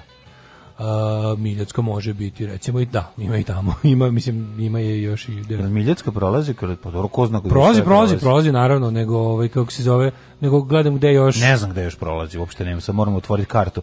Imam nemu kartu Jugoslavije, moram da, da upišem da. Miljacko. Drugi sad, drugi sad, to je naš sad, sad ćemo malo ćemo da se pozabavimo sa sa teme. Mm. Šta imaš ti u novoj? E, pa ja sam ovaj nisam danas kupio kurir, imam ja dušu, ću malo da plahnem ono glavu pre da pauze. Pa da, mislim, znaš, tako da Ima interesantnih tema, ovaj, videćemo kako je poslanica pilja na, na duplom budžetu. Mislim, ne moramo puno u to ulaziti, ali evo, ovaj, Marinika Tepić je nosilac liste SSP-a, pa zatim ovaj, ja ima intervju sa Milanom Sata Protićem koji ću i preskočiti, ne moram da ga čitam. A, dosta sam video Milana Sata Protića. Ima ovaj, priča sa, o stradalom ovaj, vojniku na Pešteru, sećaju se ovih um, prošlogodišnjih... vojni sindikat što je rekao da je, da, je, da, je, da je pravo čudo da nije poginulo više ljudi i da je tog dana ono, da je maltene ono kao da su na svu sreću, nakon što je jedan stradao, da su prestali da rade stvari koje su planirali da rade taj dan da nastave i da bi bilo sigurno još žrtava u tim šklopacijama u kojima su ih terali da glume vojnu silu. Užas, užas. Evo kaže Ima ljudi koji žele da izbrišu istoriju činjenicu. Ostavljaju sam svako ko hoće debatu u akademije, posto užas zbog toga. Non-binary shame ako kaže da postoje dva pola po biologiji, ne priznaju istoriju, biologiju, nauku. Ja sam levičar kad ceo život i radim u akademiji, da je ta grupa presenzitivnih aktivista jako agresivno, traži neprijatelje među svojima, misle nekritički, gotovo religijski. U pravu je, postoje stvarno, ovaj, kako se pogotovo u Američkoj akademiji, postoji ta grupa privilegovanih, dosadnih, dokonih, ono, kenjkavih budala koja sprečavaju ono nauku da bude nauka i to je zaista istina i to je, a mada znaš šta, imam utisak da je to bio jedan onako da su svoj pik oni prošli i da su jednostavno svima dozlogrdili i da jednostavno su, sve ono kao naučnici su se pobunili, zato što ono kada su kada su oni počeli da zauzimaju sve te prostore po američkim ono institutima i, i, i fakultetima i da isteruju ljude čiji stavovi im se ne sviđaju da uopšte budu gluvi za da. bilo kakve Mislim jebi ga fakultet. Mislim da to kod nas još nije došlo do svog pika. Mislim da nije ne, kod nas neće ni doći. Znači, to kod nas neće doći na taj način, zato što mi nemamo za početak. Kako izbacivaće stručnjake, mislim koji će se je kod nas šansa da će da će podivljali, poludeli ono progresivci da budu preprogresivni za svoje vreme. To neće se desiti. Ovo su jednostavno ljudi sa problemima iz 22. veka, to su gluposti ono. Ali je fore što da, upravo si u, u jednom trenutku se javio dogmatsko i religijsko mišljenje da se ono jednostavno ovaj osjećanja stavljaju iz činjenica. Da, da, da najvažnije nikom ne povrediti osjećanja sranja. Tako da da, to su gluposti, ali imam utisak da imam utisak da se da su se ljudi malo ovaj već otreznili od toga. Bar mi se mhm. čini po, po što što mislim dosta pratim tu scenu. Naravno da oni i dalje znaju da ono naprave neke ekscesi, da prave gluposti i da, i da ono, canceluju i ostalo, ali to rezultiralo time da su sad pametni ljudi počeli da izbegavaju mesta gde se pametni ljudi okupljaju, pa su ovi shodno tome napravili neku vrstu protesta i rekli, e, u redu, ipak hoćemo da dođu ljudi koji imaju neke stavove koje na kraju krajeva treba čuti, ako postoji mesto da treba u, u akademskim uslovima saslušati razne naučne stavove, to je fakultet. Tako je, tako je. Biće ovo jedna lagana sreda, ostanite uz nas. Legendarni, genijalni, brutalni, totalni. Znači, LGBT jutarnji program. Alarm sa mlađom i Daškom.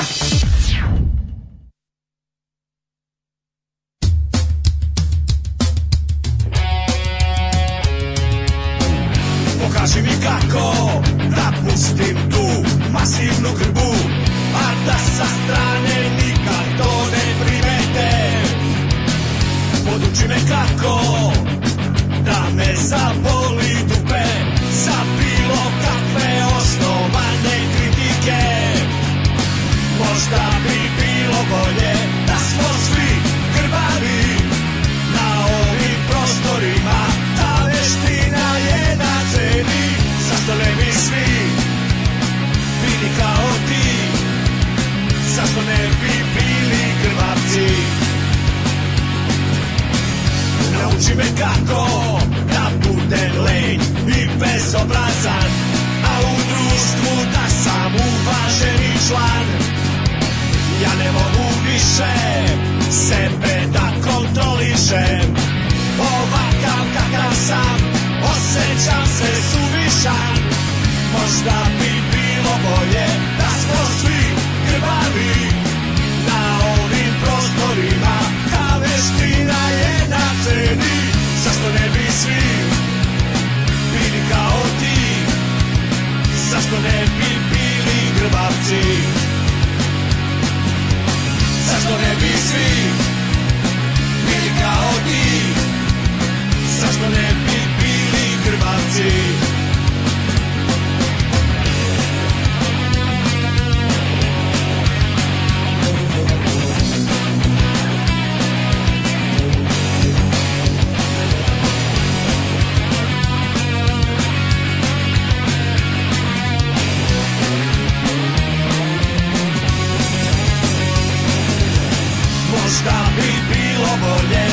znade da na ovim prostorima ta veština je na ceni zašto ne bi svi bili kao ti zašto ne bi bili krvavci zašto ne bi svi bili kao ti ne bi bili zašto ne bi svi Grba, grba, hej! Bili kao ti Grba, grba, hey! Zašto ne bi bili grbavci Zašto ne bi svi Grba, grba, hej! Bili kao ti Grba! Pa zemljali se grumi draža Vojvoda A grumi draža Vojvoda Uvek sveže južno voće, pomoranđe, limun, mandarine Imamo i kumkvat A grumi draža Vojvoda Draža Vojvoda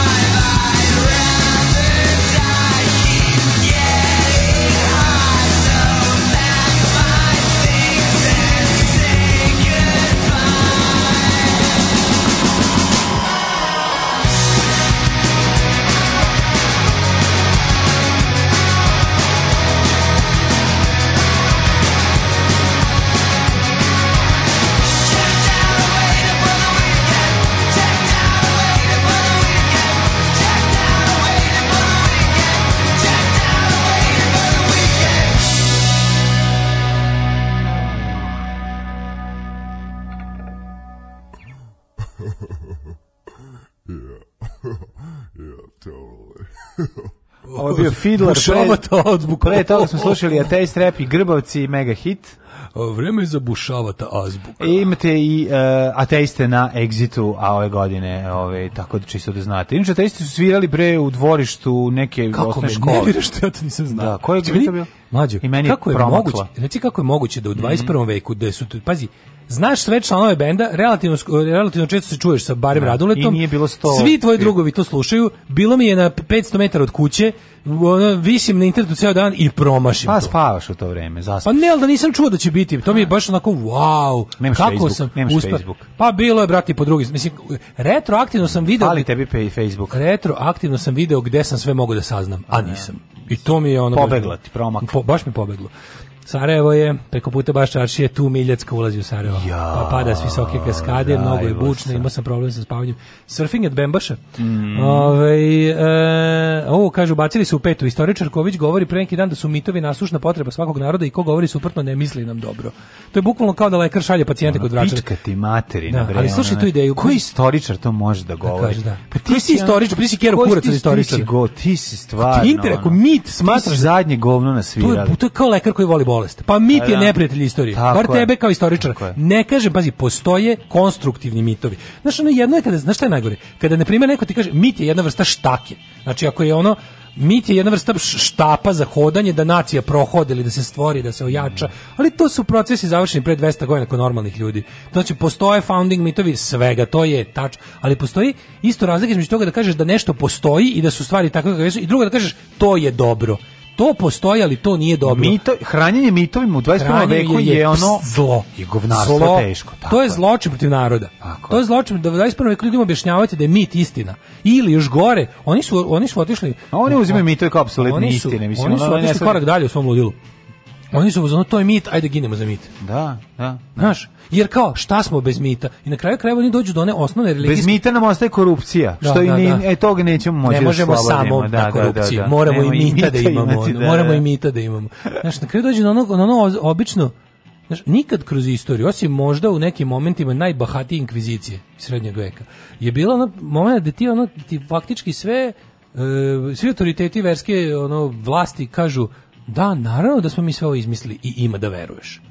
Ovo je sad jedini put znaš, pre toga i posle toga i dalje bilo kao ne, ovo mi verujemo, znaš, ovo mi ovo radimo ime, ne znam, Isusa, mi stvarno verujemo da Isus postoji da je bio takav kao što smo ga opisali u Bibliji i kao dobro bi bilo da veruješ jer to, to i to. Ne, ovo se sad u fazonu kao, naravno da ovo mit, naravno da je sve izmišljeno i ima da se praviš, da. jer ako se ne to, to ti je čist, to je, dolazimo do onog orvalovskog čista moć. Ima da radiš šta ti ja kažem, jer to je moć elementarna. To je ono, to je moć u svom najnepatvorenom o, nerazmućena, potpuno ne, ona nerazređena da. moć, da ja tebi kažem, radi ono što ja, kad ti pokažem četiri prsta, nekad ćeš reći da vidiš tri, nekad pet, da. a nekad četiri, u zavisnosti od toga šta ti ja kažem. Ja sam ti istrenirao, da, da, da to, Tako to. I, ovo. I stvaranje mitova, ti vidiš da mi, mi zapravo, to što nije zebancija, mi sa jednog mita prelazimo na druge, znači, ako nam je mit bio dovoljno daleko, ili ako nije dovoljno jak, onda se napravi novi. Tako se sad mit ove pravi se bukvalno mit oko, oko košara, razumeš i oko Pa to je update Kosovo kosovskog mita, još jedan naš nebeski da, porez. Da, još da. jedno da smo mi Da kao, prvo smo grčevito držali zemlju, neprijatelj je iz raznih nepravednih razloga odjednom bio jači, Nema ali žrtve, mi žrtve. u tom trenutku mm. osvajamo nebesku zemlju da, da, i da. srpska zemlja pod oblake leti, leti preko nebeskih visina, krila su je Morava i Drina. Iskreno kaže, ja sam mislio da se dve, ja sam Bože, mislio da od 2000 te da razum nam se sveti. Ja sam mislio da se 2000 da, 2000 da godina kada je kao kad je to pobeđeno. Znači to ne to ne da nije pobeđeno Nego smo mi dobili na 2.0 verziju koja je ono, neku vrstu cyber mita. Cyber mit, da. To je to je da. još pojačano više. Znači, dobili smo pre sa dial up mita smo prešli na DSL mit, je da, da, da, užas. za streaming nam je direktno u mozak. Užas. I, samo što ono što je jezivije od onog pre, pre bilo presu, presu nam presu činjeni određeni koraci da mi ne vidimo da je to mit. A sad je u fazonu ovo je mit i ima da veruješ. Da, da, da. da. Kapiraš? To, to, užas. To je gore. Ovo je gore, ovo je ipak gore. Bolje kad te lažu, kad ti, kad ti prave, znaš, kad ti, Pogled, kad ti RTS sistemski ubacuju Žarka Luševića, Obilića u glavu. Pa da, ali onaš kao e, e, RTS Nego da ti danas kažu, mi ne znamo da li Obilić postoji, nije bitno da je postoji, ima da gineš za njega.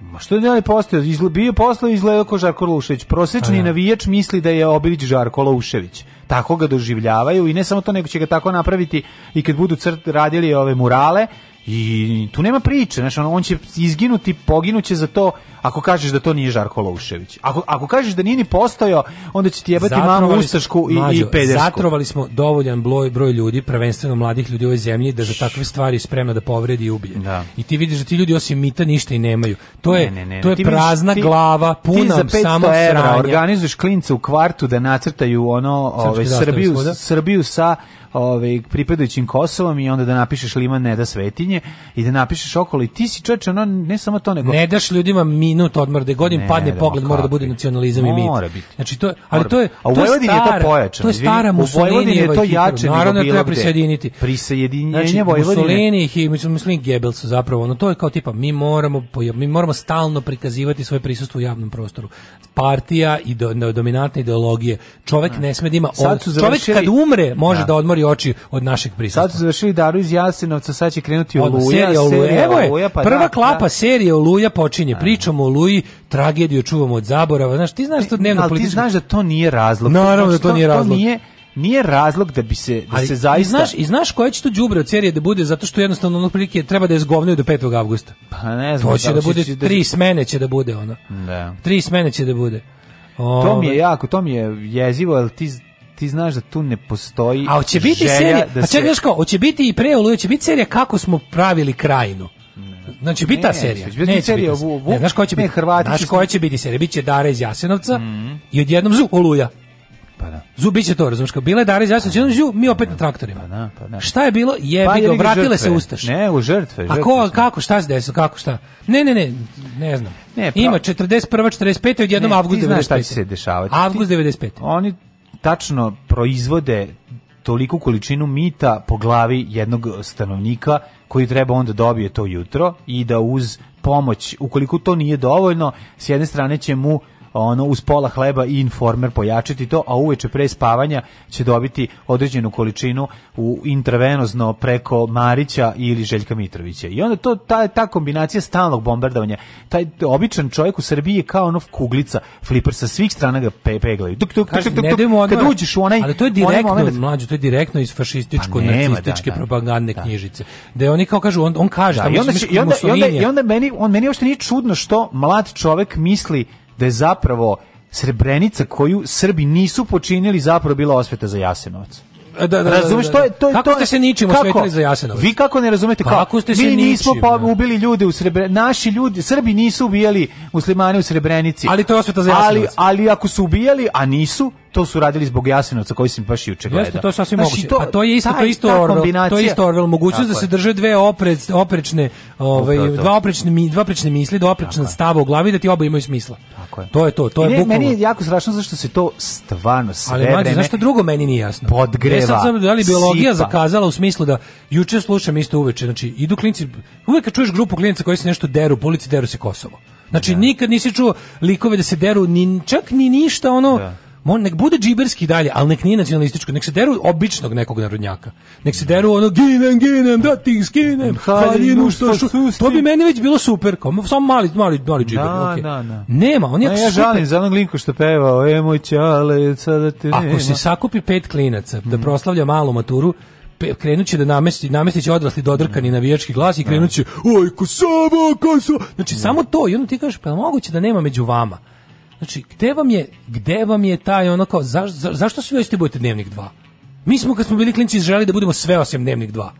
Kapiraš? Zato što je... Zato... Zaš, gde, vam je, gde vam je želja da se bunite protiv sveta pa, svojih roditelja? Svet vaših zato roditelja je nacionalistička ne, kaljuga. Ne, zašto se ne bunite protiv zato toga? Zato što njima, pa njima je predstavljeno da su oni buntovnici. Pa kome? Njima vlast, pa to ti kažem, čekaj, nije samo jasno, fuck. meni samo nije čime su ih ubedili da su buntovnici. Pa, pa ko... Beogradskim sindikatom.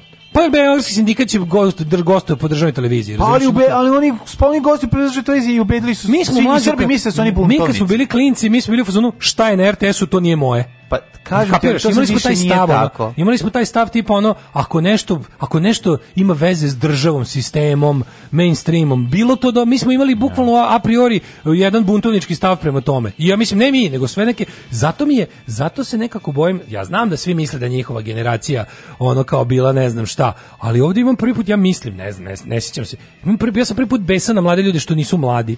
Prvi put se na mladi ljudi što su ne, de, što su ne, ko moj deda. Ne, ne imaš to pa ekipu. Kako moj deda, moj deda bio bre za njih, jebote pa, avangarda. Tako pa, bre, nije tako.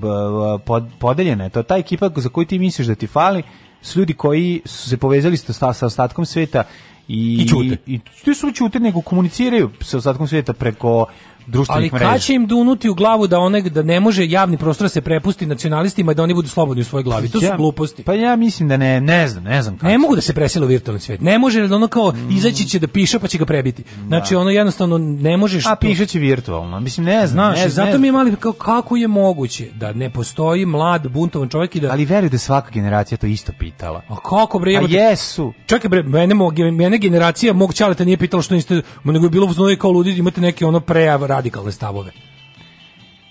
Pa, to je, toga se brinem.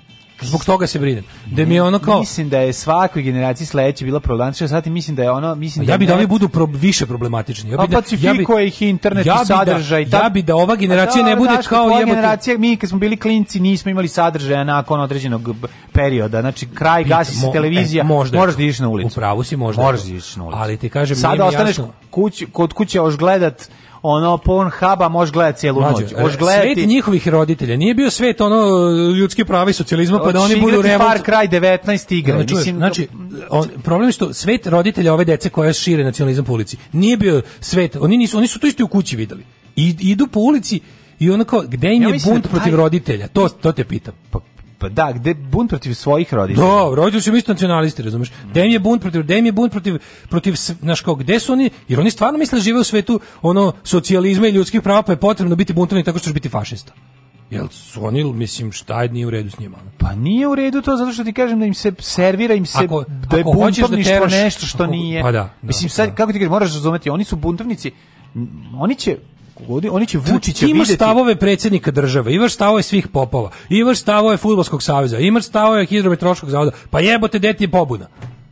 To su tvoji stavovi. Sve stavovi ovih svih navedenih ljudi su svoje kao svoje. Ali on u svoj glavi ima zlu Evropu protiv koje se bori. Kako to aha, tebi nije jasno? Da, on je odmah, on je protiv modernog Mislim, sveta koji je... On je protiv modernog on, sveta. Mi smo ga, oni galsko ubije. selo. Tako je, mi smo sve vreme galsko selo. Da, da. Mislim, vrlo jednostavno njemu u glavi.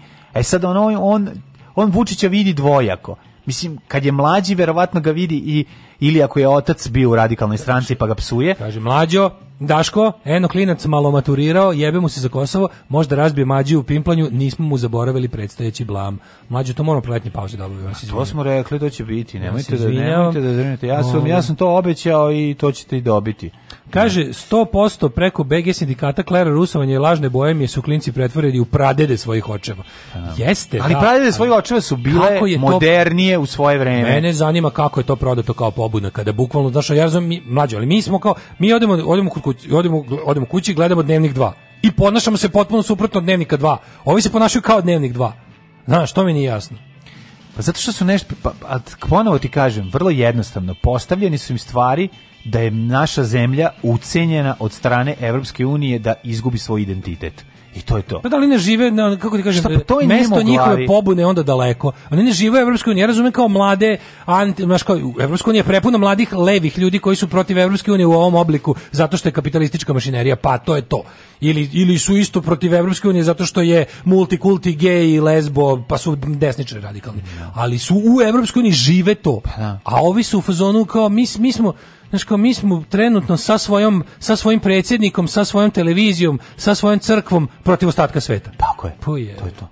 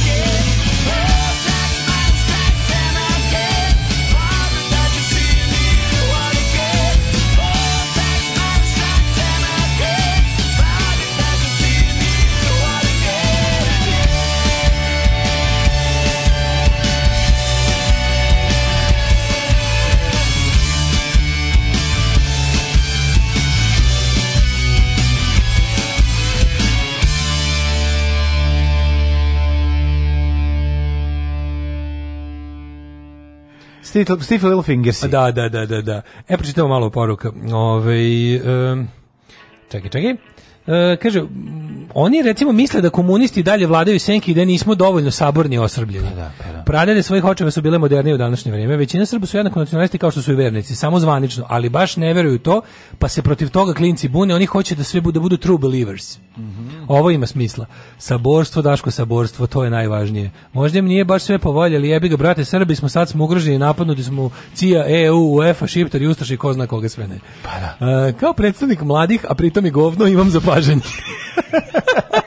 Odličan početak. Moja generacija koja je mlađa prikladno nazva tamjan generacijom, pojma nema što je socijalizam, šta je bilo kakva socijalna svest uopšte. Ako sami e, ne uzmu to negde, ne počitaju, u školi im to niko neće predstaviti na pravi način. Sve levo je satanistički lesbo-pederski komunizam koji radi protiv srpskog naroda i to je to. Bunt je očuvanje srpstva i to je to. Je to. Ukratko, go kurac, kaže pa da, Dujke. Pa da. Ove, I predstavnik mladih, aj sam govno. dobro, roditelji rudar. Evo dobra poruka iz Hrvatske, kaže, treba odati po, poštovanje žrtvama oluje struje. Ono što smeta čak i hrvatskim antifašistima, levičarima i svim dobronamernim ljudima je to da u Srbiji dalje postoji stav da je rat u Hrvatskoj počeo 95. Pa da. Tačno. Pa, pa, da, sam, čim sam vidio seriju Oluje, hoće biti u seriji Oluje jedna epizoda da vidimo kako smo došli do Oluje. Neće. Pošto, znaš, Oluje, oni žele da predstave Oluju kao pomahnitalo ustaštvo iz 41. Aha. 41. je bilo pomahnitalo ustaštvo. Da. Ono hands down. To je bilo jedno zlo dugo kuvano pripremano, pušteno na nevine ljude Hrvatske 41. koji su uglavnom stradali zbog toga što bili Srbi, Jevreji, Romi i protivnici ustaške vlasti. To je bilo pomahnitalo ustaško ludilo. 95. je ipak ne, se, ima prolog. 95. se desila zbog nečega. Znači to je vojna akcija koja je otišla u ratni zločin, ali je ono kao e, razlog zbog kojeg je ta vojna akcija pokrenuta nije bila ono neka čista suluda mržnja prema Srbima ni iz čega. Znači to pre toga je se nešto desilo, da vidimo šta se desilo. O tome se Isto što ideja, ideja da ideja da ti kažeš ajde da vidimo šta se desilo, oni će ti to lepo preseći i reći ti si za Oluju. Pa ko je normalan za Oluju? Pa da, ne vredi, ne vredi, nema, pa zato Znaš, kažem, nema, nema govor. Odakle vam ideja, odakle vam ideja, odakle vam ta govnarska ideja ne. da postoji neko ko uživa u patnji ljudi koji su ubijeni i proterani u Ko ko kako su ti ljudi? Kažem ti, ako su ako je ovaj pod srpskom zastavom počinjen zločin, on se nije dogodio, da, zato što da, smo mi da, vodili da. samo odbrambene I onda ratove, čekamo, i onda slušaj, kad je pod srpskom zastavom počinjen zločin, mi čekamo da za taj zločin krene reakcija, ne, prvo koji često ode u zločin. Prvo kažemo nije se desilo. Prvo se nije desilo, ne. ne. Ako je pod srpskom zastavom počinjen zločin, mi onda čekamo da na taj zločin krene reakcija koja će i sama otići u zločin prema Srbima ne. i da se onda da onda bude kao kao znaš, kao op, na pravdi Boga desilo se veliko zlo, a to samo znači da smo mi bež božji vinici jer smo tako stradalnici sami po sebi. Znači to odbijanje da se bilo šta stavi u kontekst je ono, znaš, i to dodatno mi je nekako, znaš šta, dodatno mi je odvratno i to mi je najgore pljuvanje po žrtvama ustaškim iz drugog svjetskog rata i tim, ono, to su, to su, znaš, on, to, to su pravi mučenici ako postoji nešto što ste može tim terminom nazvati, to su prave pravcijate nevine žrtve zla ideologije, prave da. pravcijate. I sad ti sad onako to pakuješ zajedno sa sa 91. sa 95. to su različite stvari. Mm. Znaš, to je to je to, je, to nije u redu, to nije u redu raditi, ali, ali kako drugčije napraviti taj paprikaš koji treba sipati u glavu mladim generacijama, a što rekao sam što mlađi, ja sam kao dok išla muzika razmišljam šta raditi, pa mislim raditi je šta, okupljati, mislim, pošto je jasno da ova politika, mi smo prešli tačku nestanka, znači ova zemlja i ovaj narod u ovom obliku u narednom veku postojati neće. Sami smo se do toga doveli. Ono što možemo da uradimo je da sačuvamo ljude kao ljude, da nastavimo u nekom drugom narodu, u nekoj drugoj državi, da mislim živeće ovaj narod samo što se možda neće zvati ovako i što možda neće imati više državu čije će ono je ime naroda stajati u korenu države, ali naravno da ćemo neće nas niko istrebiti, samo ćemo jednostavno da- izgubiti, izgubićemo mogućnost da upravljamo sopstvenom ovaj teritorijom jer smo se ponašali kao budale, mislim to, to je jednostavno to. Mm. Ovaj E, da, desilo se lujer, nismo slušali pjesmu, kako neko reče. Mm -hmm. uh, problem je u tome što im niko nije objasnio da kad pevaju Kosovo izbacuju transparente crte grafite, to znači samo da su glibave pizde. Mladi Albanci su se borili za svoju slobodu, a ove, ame, ove amebe se kurče uh, 400 km od istog. Svi su oni, onaj probušeni kurton, ček sam da završim poruku, e, što je dizao tri prsta, kad su ga priveli plako ko pizduljak. Mm -hmm. da. Ove, ovaj, um, E, kaže ovako, 5. augusta sam se prijavio kao volonter u Crveni krst, e, tog datuma je narod hteo Milošević i ostale nacionaliste na kočevima, da, dobro se sećam toga. Mm -hmm. Dobro se sećam toga. To je bio jedan moment kad ljudima puklo pred očima, ali to tako kratko trajalo. Kako su oni brzo pokrenuli svoju mašineriju da to nama opet stavi u kontekst. Kaže samo će biti moment e, oluje kada ove, se im se prodaju sendviči i voda, ono, ta, to me isto zanima. Verovatno biti u seriji, ne, znači, ono. Ne, znaš Koliko šta će biti u da, da. seriji. Da. Biće da. samo ne, na ono ničim izazvano s neba da. palo stradanje koje da naglo počinje i naglo se završava. Biće Dara iz Jasenovca. Ne, ne, biće Srbi na traktoru stižu iz ono no. Da. beže od hrvatskih snage, stižu do granice Srbije i de, de spas. Ne, biće deo samo koji nama ovaj, odgovara i to je to. Znači, znači biće, ono, evo ti serija će se baš da. garantima. Mislim, ono, ono, prilično. Ajde, vidjet ćemo. Ajde, zamisli, zamisli prijetno nas iznenadi da naprave. Da, ono, znači uredi neku naprave. seriju ala porodica. Da. Zamisli prijetno, da i stave to u kontekst, da. sa sve prologom i epilogom, koji mm. ne mhm. zna šta je sramotnije po Srbiju i srpski narod. Mm. Da li prolog ili, ili, ili epilog. Da. Gde ono kao prolog je taj da smo pokušali da osvajamo tuđe zemlje pa prošli kako smo prošli, a epilog taj da smo ljude koje smo gurnuli da to rade posle da tretirali kao govna. Da. Kad su proterani mm. i, i, i ostali bez ičega. Recimo kako, ovaj, mislim sam ako, ako hoće se obradi i nastavak, recimo druga sezona, kako dečak iz izbjegličke kolone recimo ne može da upiše srednju školu ovaj koji želi nego mu recimo možda direktor jer je, neke jer je, jer je prljavi traži, jer je prljavi dođeš pa ili tražimo da, pare ili mu recimo naprave razred segregacije samo za izbeglice da, ili, ili tako traže pare da ili mu traže pare da se upiše aj sad dobro da. pošto ste vi profesionalni Srbi stradalnici mm. imamo novu novu gažu za vas Kosovo Kosovo da šta ne super ste da, da, stigli super ste stigli tako, tako, prema tako, Kosovo tako jadni slomljeni i bez mhm. ičega odlični ste nam da produžite da stradavate na Kosovu da Da, da, da. imamo znači, većitu, imamo da super ulogu za vas. Kosovo, se koliko... Ne hteli da. mnogi jesu. Jesu, da. Mnogi bre jesu, čovječe. E, imamo sledeći stage. Da, za vas. Sad ste ono... Da, profesionalni si stradalnik, ovako imaš stradalničku facu. Napravili smo od vas Nastavi s tim ćebetom i traktorom dole, Samo napravili Nemoj prema da mi, Bujanovcu. Nemoj mi staješ u Beogradu. Nemoj da se zaustaviš dole. Nemoj bre. A, hoćeš sa A izmestit ćemo hoćeš sandvič vodu, koliko imaš para? Da, koliko imaš para za Daj sve što imaš. Da. Tako da to bi bio, to bi bio lepo zaokruženi, ono priča o Oluji. Ajme, ljudi, ali ja mislim da to jema puno, puno lipo biti udit policiju, da? da Sinko moj, ti ne znaš koji su to pušti. To ti je lipje vengo spavac, najlipje on žensko. Mm -mm. Alarm sa mlađom i Daškom.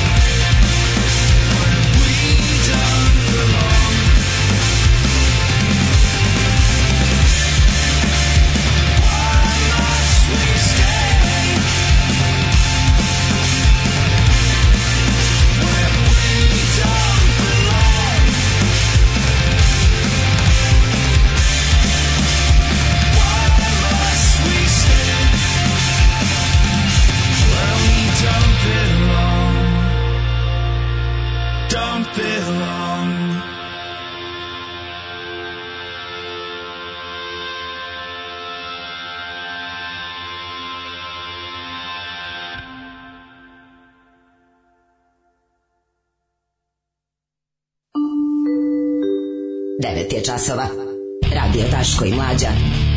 Prvi program. Evo nas u trećem satu, u trećem satu, hej, hej, 9 sati 13 minuta, dan ustanka, Uh, Srbija je ustala, probudila se, pošto je danas ustanak, jel da, i otišla na posao davno, pošto je već 9.13. Tako da, ovaj, ja... Mi smo ustanak obavili još u 6. Ma, odradili smo mi ustanak ranije. On kaže, sigurno će biti dobro, Baja Mali knjiža pravi muziku. Mm.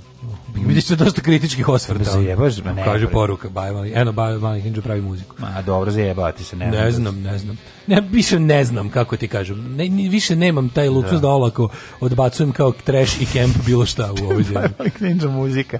Da. Super.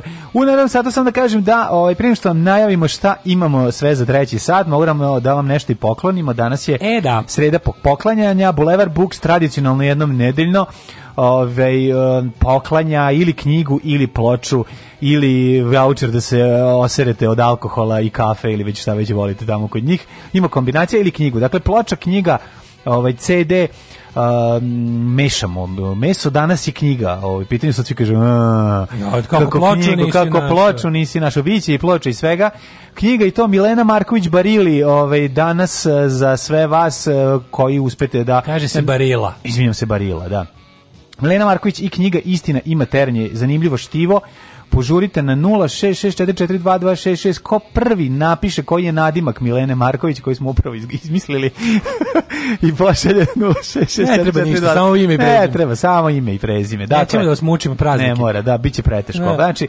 vaše ime i cenjeno ime i prezime 0664422266 ko prvi ovaj, pošalje poruku, dobija ovu super knjigu Milene Marković, istina ima teren je jako zanimljivo štivo, ako ga ne, ne dobijete od nas, toplo preporučujem da ga kupite u Boiler Booksu ili kad se prodavačica okrene da ga strpate u gaće i da, iznese. Da, a ja bih vas podsetim da antifašistički front 23. oktobar danas novosadski antifašisti i antifašistkinje organizuju proslavu dana ustanka u Crnoj kući i u domu mm -hmm. B612. Od 5 sati u domu B612 možete dodati na jednu kratku radionicu učenje kako da pravite šablone, popularne stensile, mm da transparente i ostale ove rekvizite za proteste, a i ustanke, a u ovaj crne kući u dvorištu e, je kuvanje posuljčine, e, muzika, cuga i odlično predavanje istoričara u 19 časova na temu organizovanje ustanka u Vojvodini. Tako je, ovaj, vidimo nema, se tamo. Upravo to, upravo to. U narednom satu, u narednom satu. Ja stalno pokušam ljudima da objasnim da kad nemaju šta, ne znam šta da rade pre podne, hoćete idu u neki oveljeni kafić, vi možete popiti kafu u knjižari. Do. Da. To je eto mala zanimljivost koju, ovaj, tako da Bolero Books može nam služi i za to. A ja bih teo da, ovaj, vam kažem da dale, imam dve teme, vidjet ćemo šta ćemo stići od toga da uradimo. Ne znam da li te više zanima da dali e, vitamine koje možeš naći na pijaci ili druga tema koja je isto. Vitamini koji se mažu me zanima. Ne, vitamine koji se mažu, da, to je za rastimo, za, rastimo, za da, margarin. Vitamini koji Da, da, da. Ove, nisu vitamini kako je ovaj mlada ostala bez 23.000 evra kako je drugarica maznula na venčanju, to je jedna tema, a druga tema je ova sa vitaminima, nekako je više je vitaminska tema pošto je ovaj o, o, period godine kada treba da se hidriramo, kada treba da unosimo vitamine i kada treba da se manjimo. Meni je moj, slušaj sad ovu ovaj prejednost. Ajde. Ja sam zamenio apotekara svojim ovaj dilerom povrća na pijaci. Mamu I nemam nikakvih više problema. Evo ti gađe me. Spušte reglu, gađe me, gađe reglu da ne čuju ljudi kako ti čaša udara u glavu. Ajde, zaslušio sam. Đubraši jedni, džubra, opozicija, sram vas bilo. Baš čučaj. Čekam, ja Maš, govnari, dobro da nam je dobijemo šećer za 8 dinara. Alarm sa mlađom i Daškom.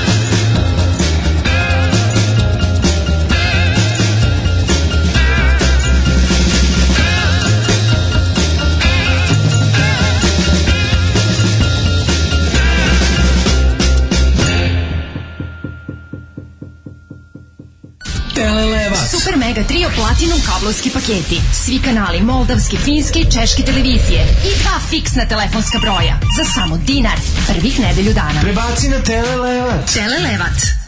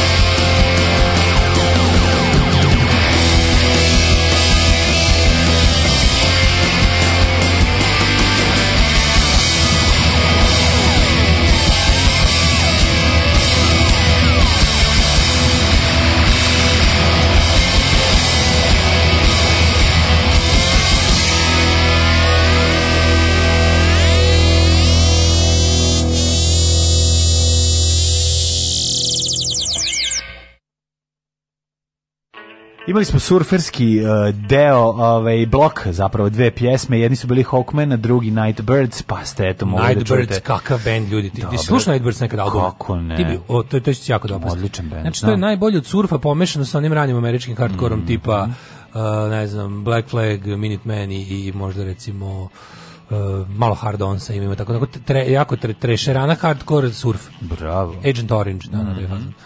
ovaj, U, kakav je da, bio, Da, blockbuster. Kaže, odlično. I kao da ste jednu pesmu pustili dva puta, ali svakako odlično. Da, pa nije, različite su pesme. Maš imao kakva centralna držbinska proslava u Be Beogradovcu, da i mi predstavnički kolove hoćemo malo da slavimo uspeh. Morate da napravite. Nema, nema, mi... Beograd je pod okupacijom. I Novi Sad je pod okupacijom, samo što u Novom Sadu se ljudi ono združili, organizovali, složili, Opa, obožili, umnožili. Pa nije proživanje, nego ljudi, ako hoćete da bude nečeg, morate napraviti. To stvarno nije prozivanje. Slava je danas. Stvarno nije prozivanje, nego ono kao, ako hoćete da bude nečeg normalnog, morate sami da napravite. Mm -hmm. Jebi ga, to smo naučili valjda od života u Srbiji. Ej, Papa Franja se uspešno oporavlja i sad ćemo vidjeti od čega, od vesti pa, pa, šta je, pa, kad je sazna šta je katolička crkva radila u da, prošlosti. Jebote. Ne može da doći se. Ljudi, daj se papu koji dolazi na da, sastanak da, tog svete stolice tvrde mm. i kao, dobra, ja sam sad bio u podrumu, dono sam neke... Kuma, šta sam ja tamo našao? Ljudi, bio sam u podrumu, izgleda da smo mi gomila govna već Koje smo mi govna? Ljudi, gledaj sad ovo koje smo mi godine. Gledaj šta smo radili čovjeku koji... Pogledaj koji ljudi smo spalili. Ne, znam papa koji izlazi pred ove kardinale, a ovi svi kao gledaju pod, kao... Mhm. Uh, vidi mi ovaj, već neko vreme ulažemo ogromne pare da to ljudi ne znaju. Ali, ne. Da. brate, to svi znaju. Znate što, što sam još vidio? nije rekao. Aj, ovaj papa koji iznosi knjige, da, da prašnje, već da. pa kaže, gleda, ovo nam je iz 1352. Da. Ovde smo spalili, naša firma je spalila čovjek jer je tvrdio da je zemlja okrugla. Pogledaj, ovog smo, spa, ovog smo spalili jer je tvrdio da ovu ženu, ne mogu, ne mogu, ovu ženu smo spalili samo zato što smo hteli da jebemo, a nije dala. Da, ja, a ovo jebote, koji smo mi govna. Zvali smo ih vešticama. O pa jebote, koja da. smo mi govna. Ove kaže, vidio, čekajte, imam, onda sam bio malo i bliže izlazu iz podruma. Znate li vi da mi već jedno sto godina sistematski jebavamo decu, mm. da god imamo njima pristup? jebote. U jebote a, a kardinali u fazonu kao, sedi da ti kažemo, vidi Nemoj, ne otvara ne otvara knjige o Kanadi. Ne otvara internet, ne otvara, ne otvara internet. internetni slučajno, da, da, da. Vaša svetosti internet ne pali Mi ćemo za vas posebno. Otvorite. Vidim da vas je ovo dosta pogodilo, da niste znali se na MySpace, tu nema tako mnogo informacija. Niste znali na čelo koje firme ste seli, ali ovaj samo sve što imamo, da kažemo whatever you do, ne idi na internet. Mm. Molim vas vaša svetosti da ne biste preselili ranije u Janet.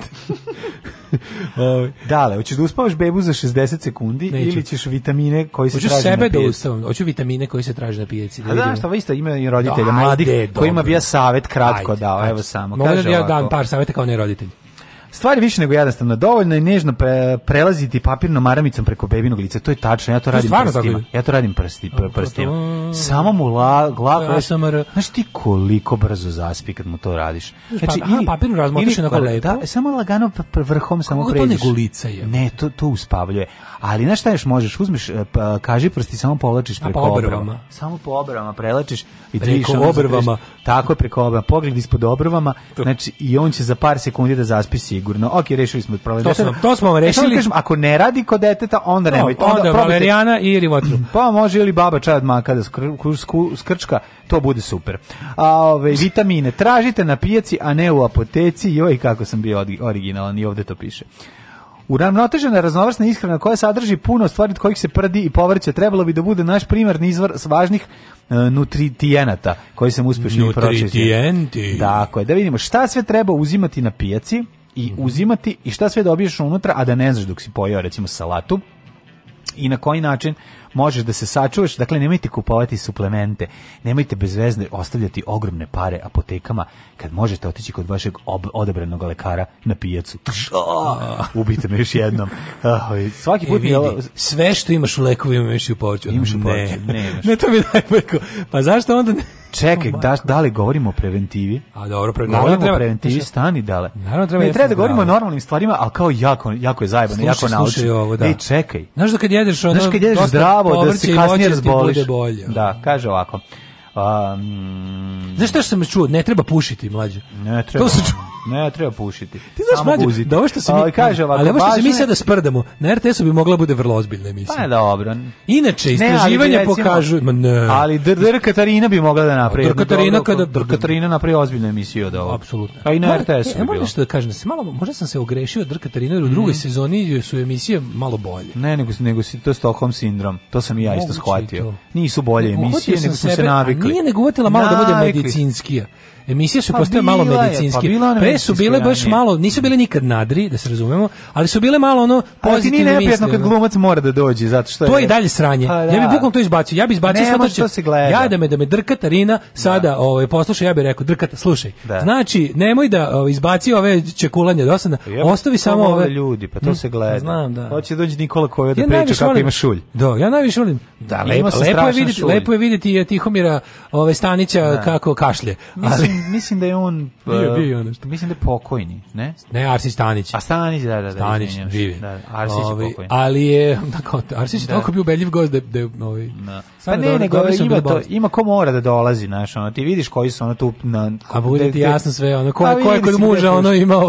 A da ne znam šta muž radi, ali šta muž doktor Bajec? Pa to je doktor Bajec, ono ko. Mhm. Znaš ko je doktor Bajec, taj bio, mislim on je bio za vreme demokratske stranke Surgeon General otprilike. Aha, aha. Pa onda onda je jasno, znači da. pozove doktor A Bajić. Ti znaš da je ova da je mama ova eh, kako se zove? Znam. Je li Saveta Vasilić žena i da, da, je to mama od Katarine? Znam. Da. Da, da, da, da. da. da, da, da. To smo A, čuli, volim, znam se što nam je neko rekao prođe, posle kad se napatim, kada kada jedva živi izađem iz utiska, ono kada bukvalno sa štakama je ono ono shell šokiran izmučen, pa zgažen na strane dva tenka da. i šest konja i izađem iz rova utiska nedelje i pogled dočeka me lepo lice Katarine. Pa da, ona ti lepo objasni, kaže ti da, sve. Ja kaže, ovo što sad preživio. Sigurno ste bili bolest, stres. je na, e sad ovako, da vidimo šta je to što se nalazi u ovaj, raznom povrću, a što mi ne znamo dok jedemo, a zapravo unosimo.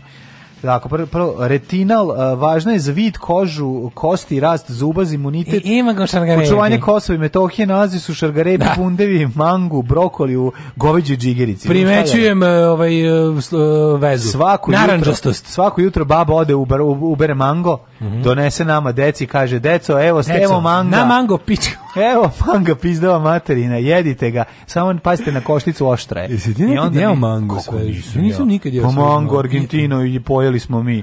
Mango Argentino. Mango ljubavi. Mango ljubavi, pa kako nismo. Ne znam da nikad jeo svež mango. Da Serde nisi kupio. Ja mislim da ja nikad. Samo kupi kad je mekan, nemoj se zjebati uzmeš tvrd mango. Tvrd je mango, voćka čunovata, pojede ga i stomak pokvari. nije, nije sladak toliko kad je, kad je tvrd, treba je Što bi rekao stari mauricijski pesnik. Kao zajeb, kao neka, kao, znaš šta je mango? Mango je mešavina breskve i dinje. E, to je da. mango. Da. Ne, ne, ja Tako sam, je govorio moj deda koji ga nikad nije probao. Ja sam mango u voćnim salatama. Da, da, mango Argentina, Ali nikad da. nisam kupio svež mango. Kupi, kupi svež mango, pizdarije. Malo mu je debela koža. Ej, ljudi, imam problem. De u jebenom gradu mi skupili limete? Nema nigde limete, nigde nema limete. Ne znaš gde limeta? Da. Pa imaš limetačnicu dole. A pa jeste, metat, metali su mi, ali lija nije bilo.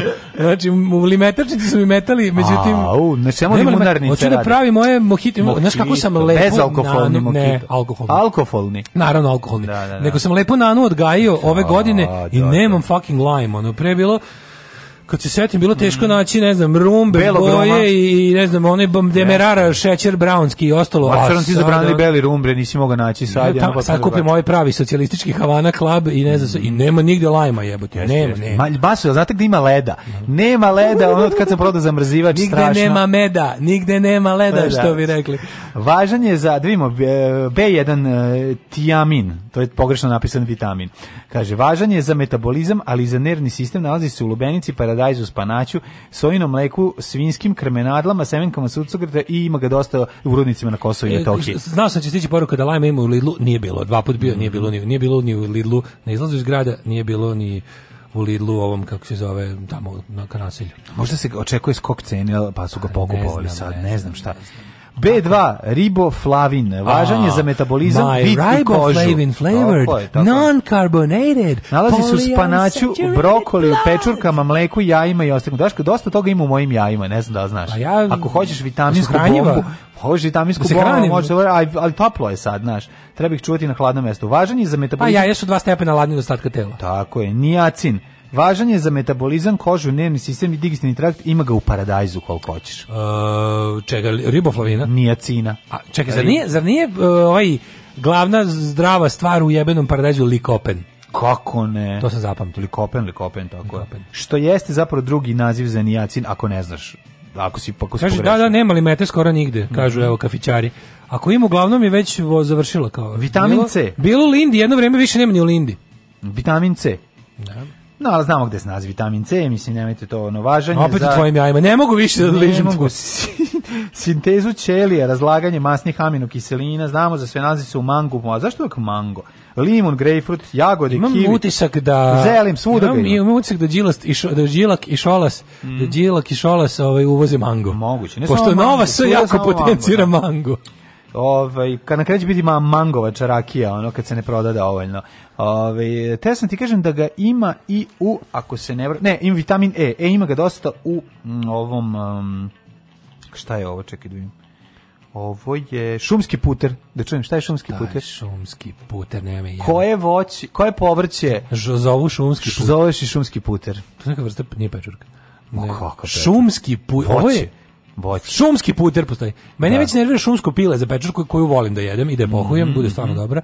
Ali šumski šta bi moglo biti? Pa zašto se čuje kao da se šumsko pile, zašto se se pa čuje se pa pa pa pa, pa kad raste. Kada ga ovaj tako u, tako ga prenađeš, da. To je narandžasta pečurka koja raste uz drva. Vrbovača. U maju. E, to, e, to je vrbovača. vrbovača bravo, bravo, bravo, pa da, jeste, Ajde čujemo, šta je šumski puter? Šumski puter. Mm -hmm. Mislim, će to biti nešto što sam čuo. Pa čuo si, jeo si ga 100 puta.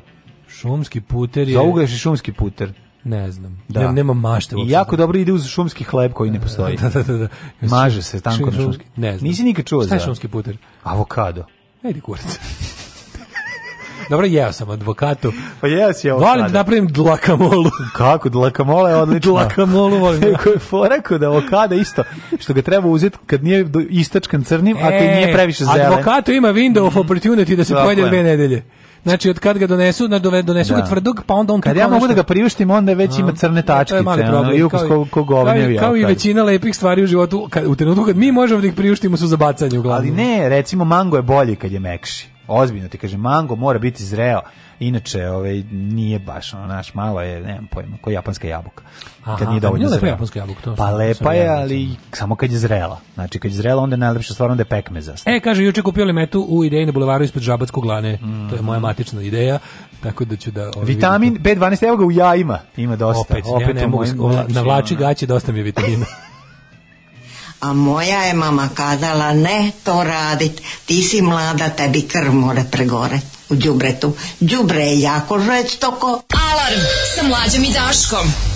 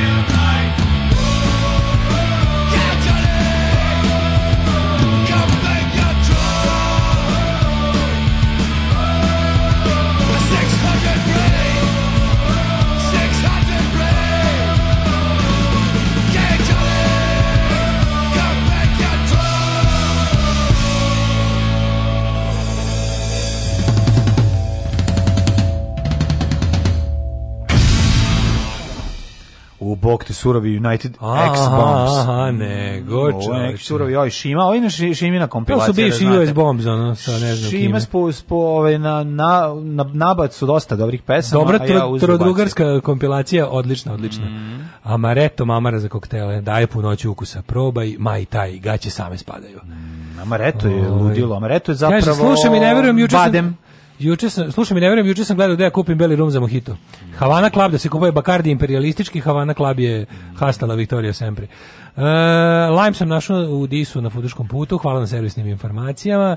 Uh, avokado je sranje, mango je do jaja, a kokus je nepotreban. A, zato što ga ne uzimate u pravom trenutku. Taj mali suvi kokos koji nama stigne, bitno kad je ubran, znate, to je zelen ubran kokos, velika je sreća, kad je mali i suv, dok Nesreća je veća. Ne, dok je u njemu kako ide, ide pesmica. Ako se ne verujem, dok je Mora bre unutra 3 deci vode da bude bre. E, ne, to je zreli kokos. A, ne, mleko dok je unutra, pa to A je mleko, to je... voda, koksova voda. Čekajte, ne, to nije isto. Dok je dok je ova tečnost unutra ovaj kako se kaže bela i dok je dok je manje tvrdo ovo po zidovima, a možda to je mlađi kokos. A mlađi kokos. Mlađi. A ovo što stigne do nas bude bude vode unutra malo i već stvrnuto ovog belo po zidovima. Ne, to ne vredi. belo po zidovima. Treba, ma, treba mladi kokos, mislim, ono kako ima tačno kad se kaže znam, ništa u životu lepše nisam popio nego mladi kokos kad mi ga kinez ovaj isekao i gurno slamčicu u Njujorku i rekao evo ti siši. A nema kraja, brate, tri deci unutra, velik kokos, znači treba popiti sve to. sak maj coconut. Da, još je ovaj još sam čuo kad, kad su viknuli je ja ne mogu da popijem svoj do kraja. Daj mi tvoj. Inače je zajeban je možda se prikenja od njega ovi kad nastradaju na... E, dobrom turisti se od svega prikinu. Pa ne, ne, kad nastradaju pa ih izbaci more, more na obalu pa se napiju te vode, oni dobiju prolive. Moraš da pa paziš kako ne smiješ previše. Ništa iz mora se ne uzima, to je go, mislim, sve što upadne u more bude u moru neko ne vreme. Taj, više u moru, za... prijatelju, nego, nego kokos generalno je problematičan kad ga previše uzimaš na laksativno dejstvo ja kokosova voda, hoće da napusti organizam. Ja sam da pričaš ovim kao, znaš, da stvari koje su, na primjer, kad su neke ne, jer sam riba dve nedelje u vodi aj ne. Ne, sećaš li banane kad je nešto tipa neki ogroman tovar banana odlupić sa 50.000 tona potopio se tap taj onaj kargo brod je mm, pao. I onda su banane otišlo nešto i onda su davali valjda te banane iz mora su teli da odnesu u zoološki vrde ih životinje, da nisu životinje teli ih jedu. Ma neće pa životinje. Dakle, neće slanu bananu. Slana banana. Kao da ne propadne, kao nosili su lokalni zoološki vrte, a životinje bile ne. Čuo sam ja te fazone. Nivo. Čuo sam ja te fazone slana banana, možda probaš moju slanu da, bananu da, slično. To je neoprano. Seljački, nećemo. Ne, mi tako fazone ne valjamo. Ne valjamo. Idemo đecet. Ajde. Idemo tamo gde se takvi fazoni valjaju. Tako je.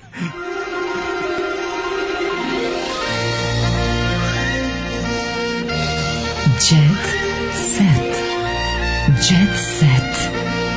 Jet set. Set. Set. Set. Set. Uh, šta najbolje ublažava Bore i Đorđeviće. Bore i podršnjake. Nemoj više te jebaš, to cijela novina lepota i ono tuga no, i sreće i no, zdravlje. Sreće. E, vidi Milica Janketić e, Čerka Mišina rodila e, sina. Bravo, čestitamo. Naša drugarica. Bravo. Uh, udala se u septembru prošle godine, sad je i materom mm -hmm. postala, čestitamo. Bravo. Ovaj, uh, Rene ljubi 10 godina mlađeg voditelja, da znaš. Koji Rene, Bitorajac? Uh, e, ne, Rene Zelveger. A, ja rekao, nije Bitorajac. Rene Bitorajac ljubi, ljubi samo starije. Dobro. Voditelje. O, a kako mi, kako mi je ono smiješno? Kako je to bilo? Mlađi da došao kod nje pa na prvi intervju, pa se zaljubili na prvi pogled. Gledam Bitarajčev Instagram kako povremeno voli da bude malo kandidat za muškarce. To me tako nervira.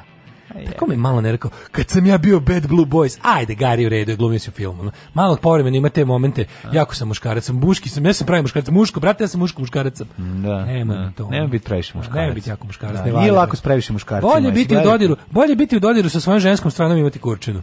E, tako je. Ove, ovaj, samo ti kažem, specijalna nagrada Mileni Zupančić, e, Livka za Berčeka, nagrada Evropskog festivala u Paliću, Ovo, ovaj, Berček je 1980. za Ulu Koton Paja dobio Zlatnu Renu, to znamo. A, ovaj, a sad je dobio nagradu Pale Vujšić za životno delo. A recimo, evo, gošća je bila o, Milena Zupančić. Ako se sećaš, ne sećaš se možda, ja se sećam sa TV novosti ranih koje sam pronalazio na vikendici, a zapravo je nama up, da, zapala za oko u filmu Dečko koji obećava glumi majku od Dare Đokić. Iako smo se ložili na nju. Tako da bila je ove Pored žive Dare Đokić, vi ste se ložili na ovu drugu. Pa ti se loži isto šta pričaš. Ja, da, Dara Đokić loži ceo život. O dobro, mislim i Dara Đokić je bila ona, ova je bila njena majka tada. Um, I to verovatno zato što je i, bila promiskuitetna, pa nam je to još bila još boja. Opljačkan stan naše influencerke u Parizu. Influenceri plaču za me. Opljačkan stan naše influencerke u Parizu. Stop everything.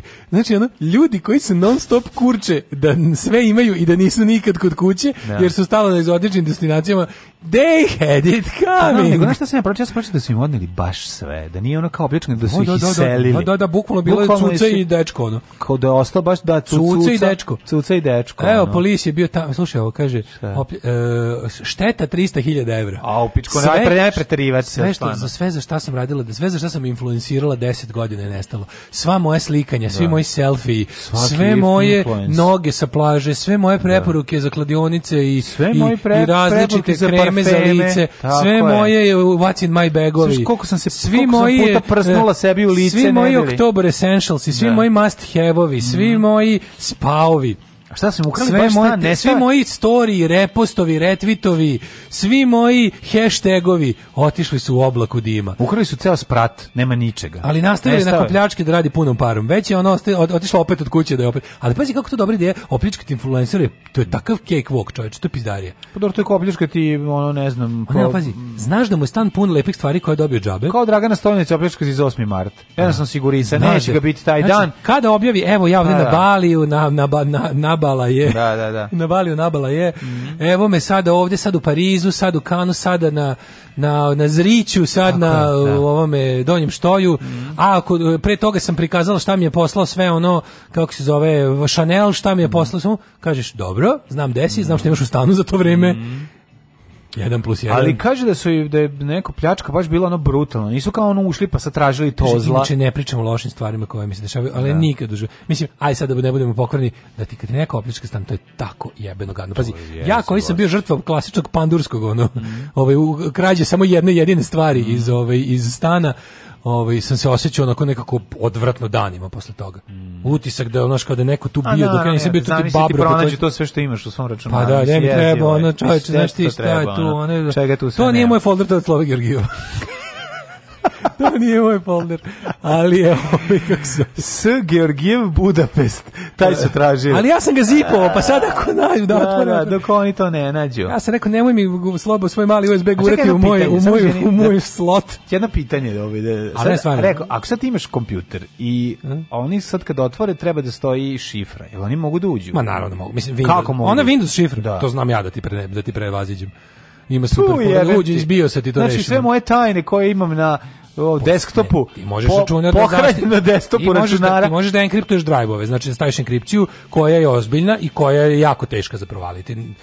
Za, za ne znam, ukoliko se ne radi, ne znam kakvom ono pitanju nacionalne bezbednosti, Murija neće ni ulagati pa, pare vremena. Da pa umoran da sam, bre, enkriptovao sam dra, da, daje pa, drajvove sinoć. Ono, to, pa ti mislim, možeš da imaš enkriptove drajvove koje se ne, mhm. koji se ono kao ne pojavljuju i ne vide se tamo, na, da, mm. i teško ih uzmeš neku jaku šifru koja će dovrti tamo 16 trilijardi kombinacija. Mm. To, ali ova, ova za logovo jake šifre. Za logovanje kao jedan da. user u Windows, to je, to je baš, to je. Čekao, znači 1, 2, 3, 4, 5, 1 je kao zajebana. E, znači, moguće da staviš i F donja crta, plus, plus i to bi ti provali. Zašto uđeš u bios pa središ? Ono. Ove... Če znači, u bioskopu se to radi. znači, dok sam u bioskopu, dok sam u bioskopu su mi provalili šifre. Pazi se, molim te. Nego ti kažem, žao mi je ovaj žena, neko uđe da. stampati, ono, pazi, kaže meni, su, meni, meni su ciljeno usli da Ja kao bi vidi, meni bi da gore da bilo da mi, jednu jedinu stvar, pa je ono bilo. Čekaj, meni kad bi ušli na gajbu, ono i opljačkali, gore bi mi bilo da mi opljačkali gajbu u Parizu kad bi imao. Mislim, jače bi mi bilo strašno. Pa jeste, zato, smo, ono zato mi koji ništa nemamo u generalno bolje prođemo u životu. Da, da. Reči, pa dobro, znaš, bilo bi mi teško da ukrade recimo moj Rickenberg gitaru i da posle ponudi nekom kao original, ona nije original. Ne, prijatno. Znaš, ono. Nekulturno. I treba imati stalno spremačicu kući da ti picne kuću kad dođu do da kradu da to bude i lepo, inače sramota je. Sve jače glasine o razvodu Severine i Igor izbrisali zajedničke slike sa Instagrama. To se tad da pitao nešto vezano za Počelo je, što bi da rekao. Severino loži da se uda i da promeni prezime. Da, ona ima fetiš. Ima to ovaj, fetiš. Ona ima fetiš. Jel ono kao, e, znaš kao u redu je, kao, mislim, ne moraš da se zameniš, ne moraš da se udaš. Ok, mi znam i da je ljubav i sve to i pukne i, i osvojite i ono tasti je ludilo za jebanti, ono nije rom, naši sve to zajedno je super, da. nego, znaš kao, što mora i što mora i prezime i sve to da se zaboravi taj, taj prethodni život i onda odjednom se sve to briše. To mi je normalno, ali vole ljudi različite stvari. U, pa mlađu, da. gledam sad sa snimanje prve klape serije Oluja. Tu su svi ovi, oni, oni što izgleda. Znaš, je naš glumac, da se zove Novak Bilbija, ovaj matorac on je meni isti, onaj, ako se sećaš najboljih filma na svetu, Duz, Bigolo, Mel, Žigolo, Čale od glavnog za koji radi ja, u BC-u. On je iz srpskog po, narodnog pozorišta glumac. on da, nome, da, nosi glumac. Bil, bije, da, da, da, da jeste. E, da, on je dobar glumac, jeste. Dobri, ali, ali je ovaj, kako se zove, uh, isti mi je Čale od Duz, Bigola, da, što da, da. je onaj men's room attendant. da ga zovu, kao, znaš kad on kao se upoznaje, da je kao, uh, excuse me, I have a large inconvenience to, ne znam, zove ga, a zove ga gazda restorana i kaže, šta ti radiš ovde, marš u WC, neko se israo, imamo oprišći. Imamo problem smrdeći ceo kvart. It's shit all over the place. Da, da, da. Amerika me napravila drugačijom i boljom osobom, kaže Katarina. Kaže Mladen Urdarević. Mladen. Koji je bio Mesna dana. u Njurku. Ne, ovo kaže Katarina Radivojević. A, Katarina Radivojević. Minja Miletić prelazi za jedan 1 na Euronews, koji svi ostali. Pa dobro, to znali. Majko Mila, kako je to, kako je to dobro. Da. Everybody is for sale. Ali lep, mislim na kraju krajeva ona tamo i pripada. Ovo je bio, ovo je samo bio malo duži incident u njenoj karijeri. Pa dobro, mislim, da, bio da, Pink, da. bio onda duži incident sa N1, tu je pa, bila. Dobro, trajalo. Dobra je bila, mm. ali u principu ne može ona nje fali njoj taj znaš, fali joj taj glamur, to, taj, taj, taj mm, srboglamur. A fali, fali taj srboglamur koji samo vlast može da ti pruži. Mm. Jer nekako biti op, opozicioni glamur, nije, znaš, opozicioni glamur nije baš bolje glamur vlasti. Ja nešto da ti kažem, glamur je glamur kod nas. Da, nije, ali, nije ali, ali, ne možeš da dobiš, vidi, e, njoj treba ipak više followera. Znaš, da, ne, nekako, da, da znaš, da, ne da. možeš... Do, stigneš, popuniš album, dođeš do kraja, ono i onda dalje, moraš se Samo SNS može ti pružiti taj nivo uh, hladnog proseka i kristala i... Znaš, samo SNS to može pružiti. Mhm. Ja nisam čedo proseka, ne znam da znaš za mene. De, mene, mene ne vuče oseka. osaka. Uh, nadimak kralj Bakšiša za mene uvreda, kaže šerif Konjević. A, da, da, on je više Dakle, u šerifu malo malom pa ne, nego u ratu se pričalo svašta protiv mene, pričali su kako mrzim Srbe, šerif ne mrzi nikoga, a posebno ne Srbe. Ujebo. Kakav car! Ovo majica. Da, ovo je znači, majica. Znači, ako bude imao koncert i da na tašu, da ima majica na kojoj piše šerif ne mrzi nikoga, a pogotovo ne Srbe. U našoj lepoj Jugoslaviji sam imao podršku svih građana Naše i, i tad se Jugoslaviji. cenilo koliko prodešno nosača To mi kaže šerif. Tako šerife. Kažeš u našoj lepoj šerife, Jugoslaviji. ljubim te u zvezdu. Tako je, ljubim, ljubim te u sedmokraku zvezdu. Ljubim te u, ljubim te u, u, u zvezdu. Kad si je izblejho i kad je ne izblejhaš, tako se ne prim pitanje. Ljubim, Ljubim, te u zvezdu, posle, nakon što si vozio bicikl ceo dan. Sokim te u zvezdu. posle koncerta na Taš Majdanu. A čao, vidimo se crne kući. Ćao. Oh, you touch my -la -la. Tekst čitali Mladin Urdarević mm, i Daško Milinović. Ah! Ton majstor Richard Merc. Realizacija Slavko Tatić urednik programa za mlade Donka Špiček. Alarms svakog radnog jutra od 7 do 10.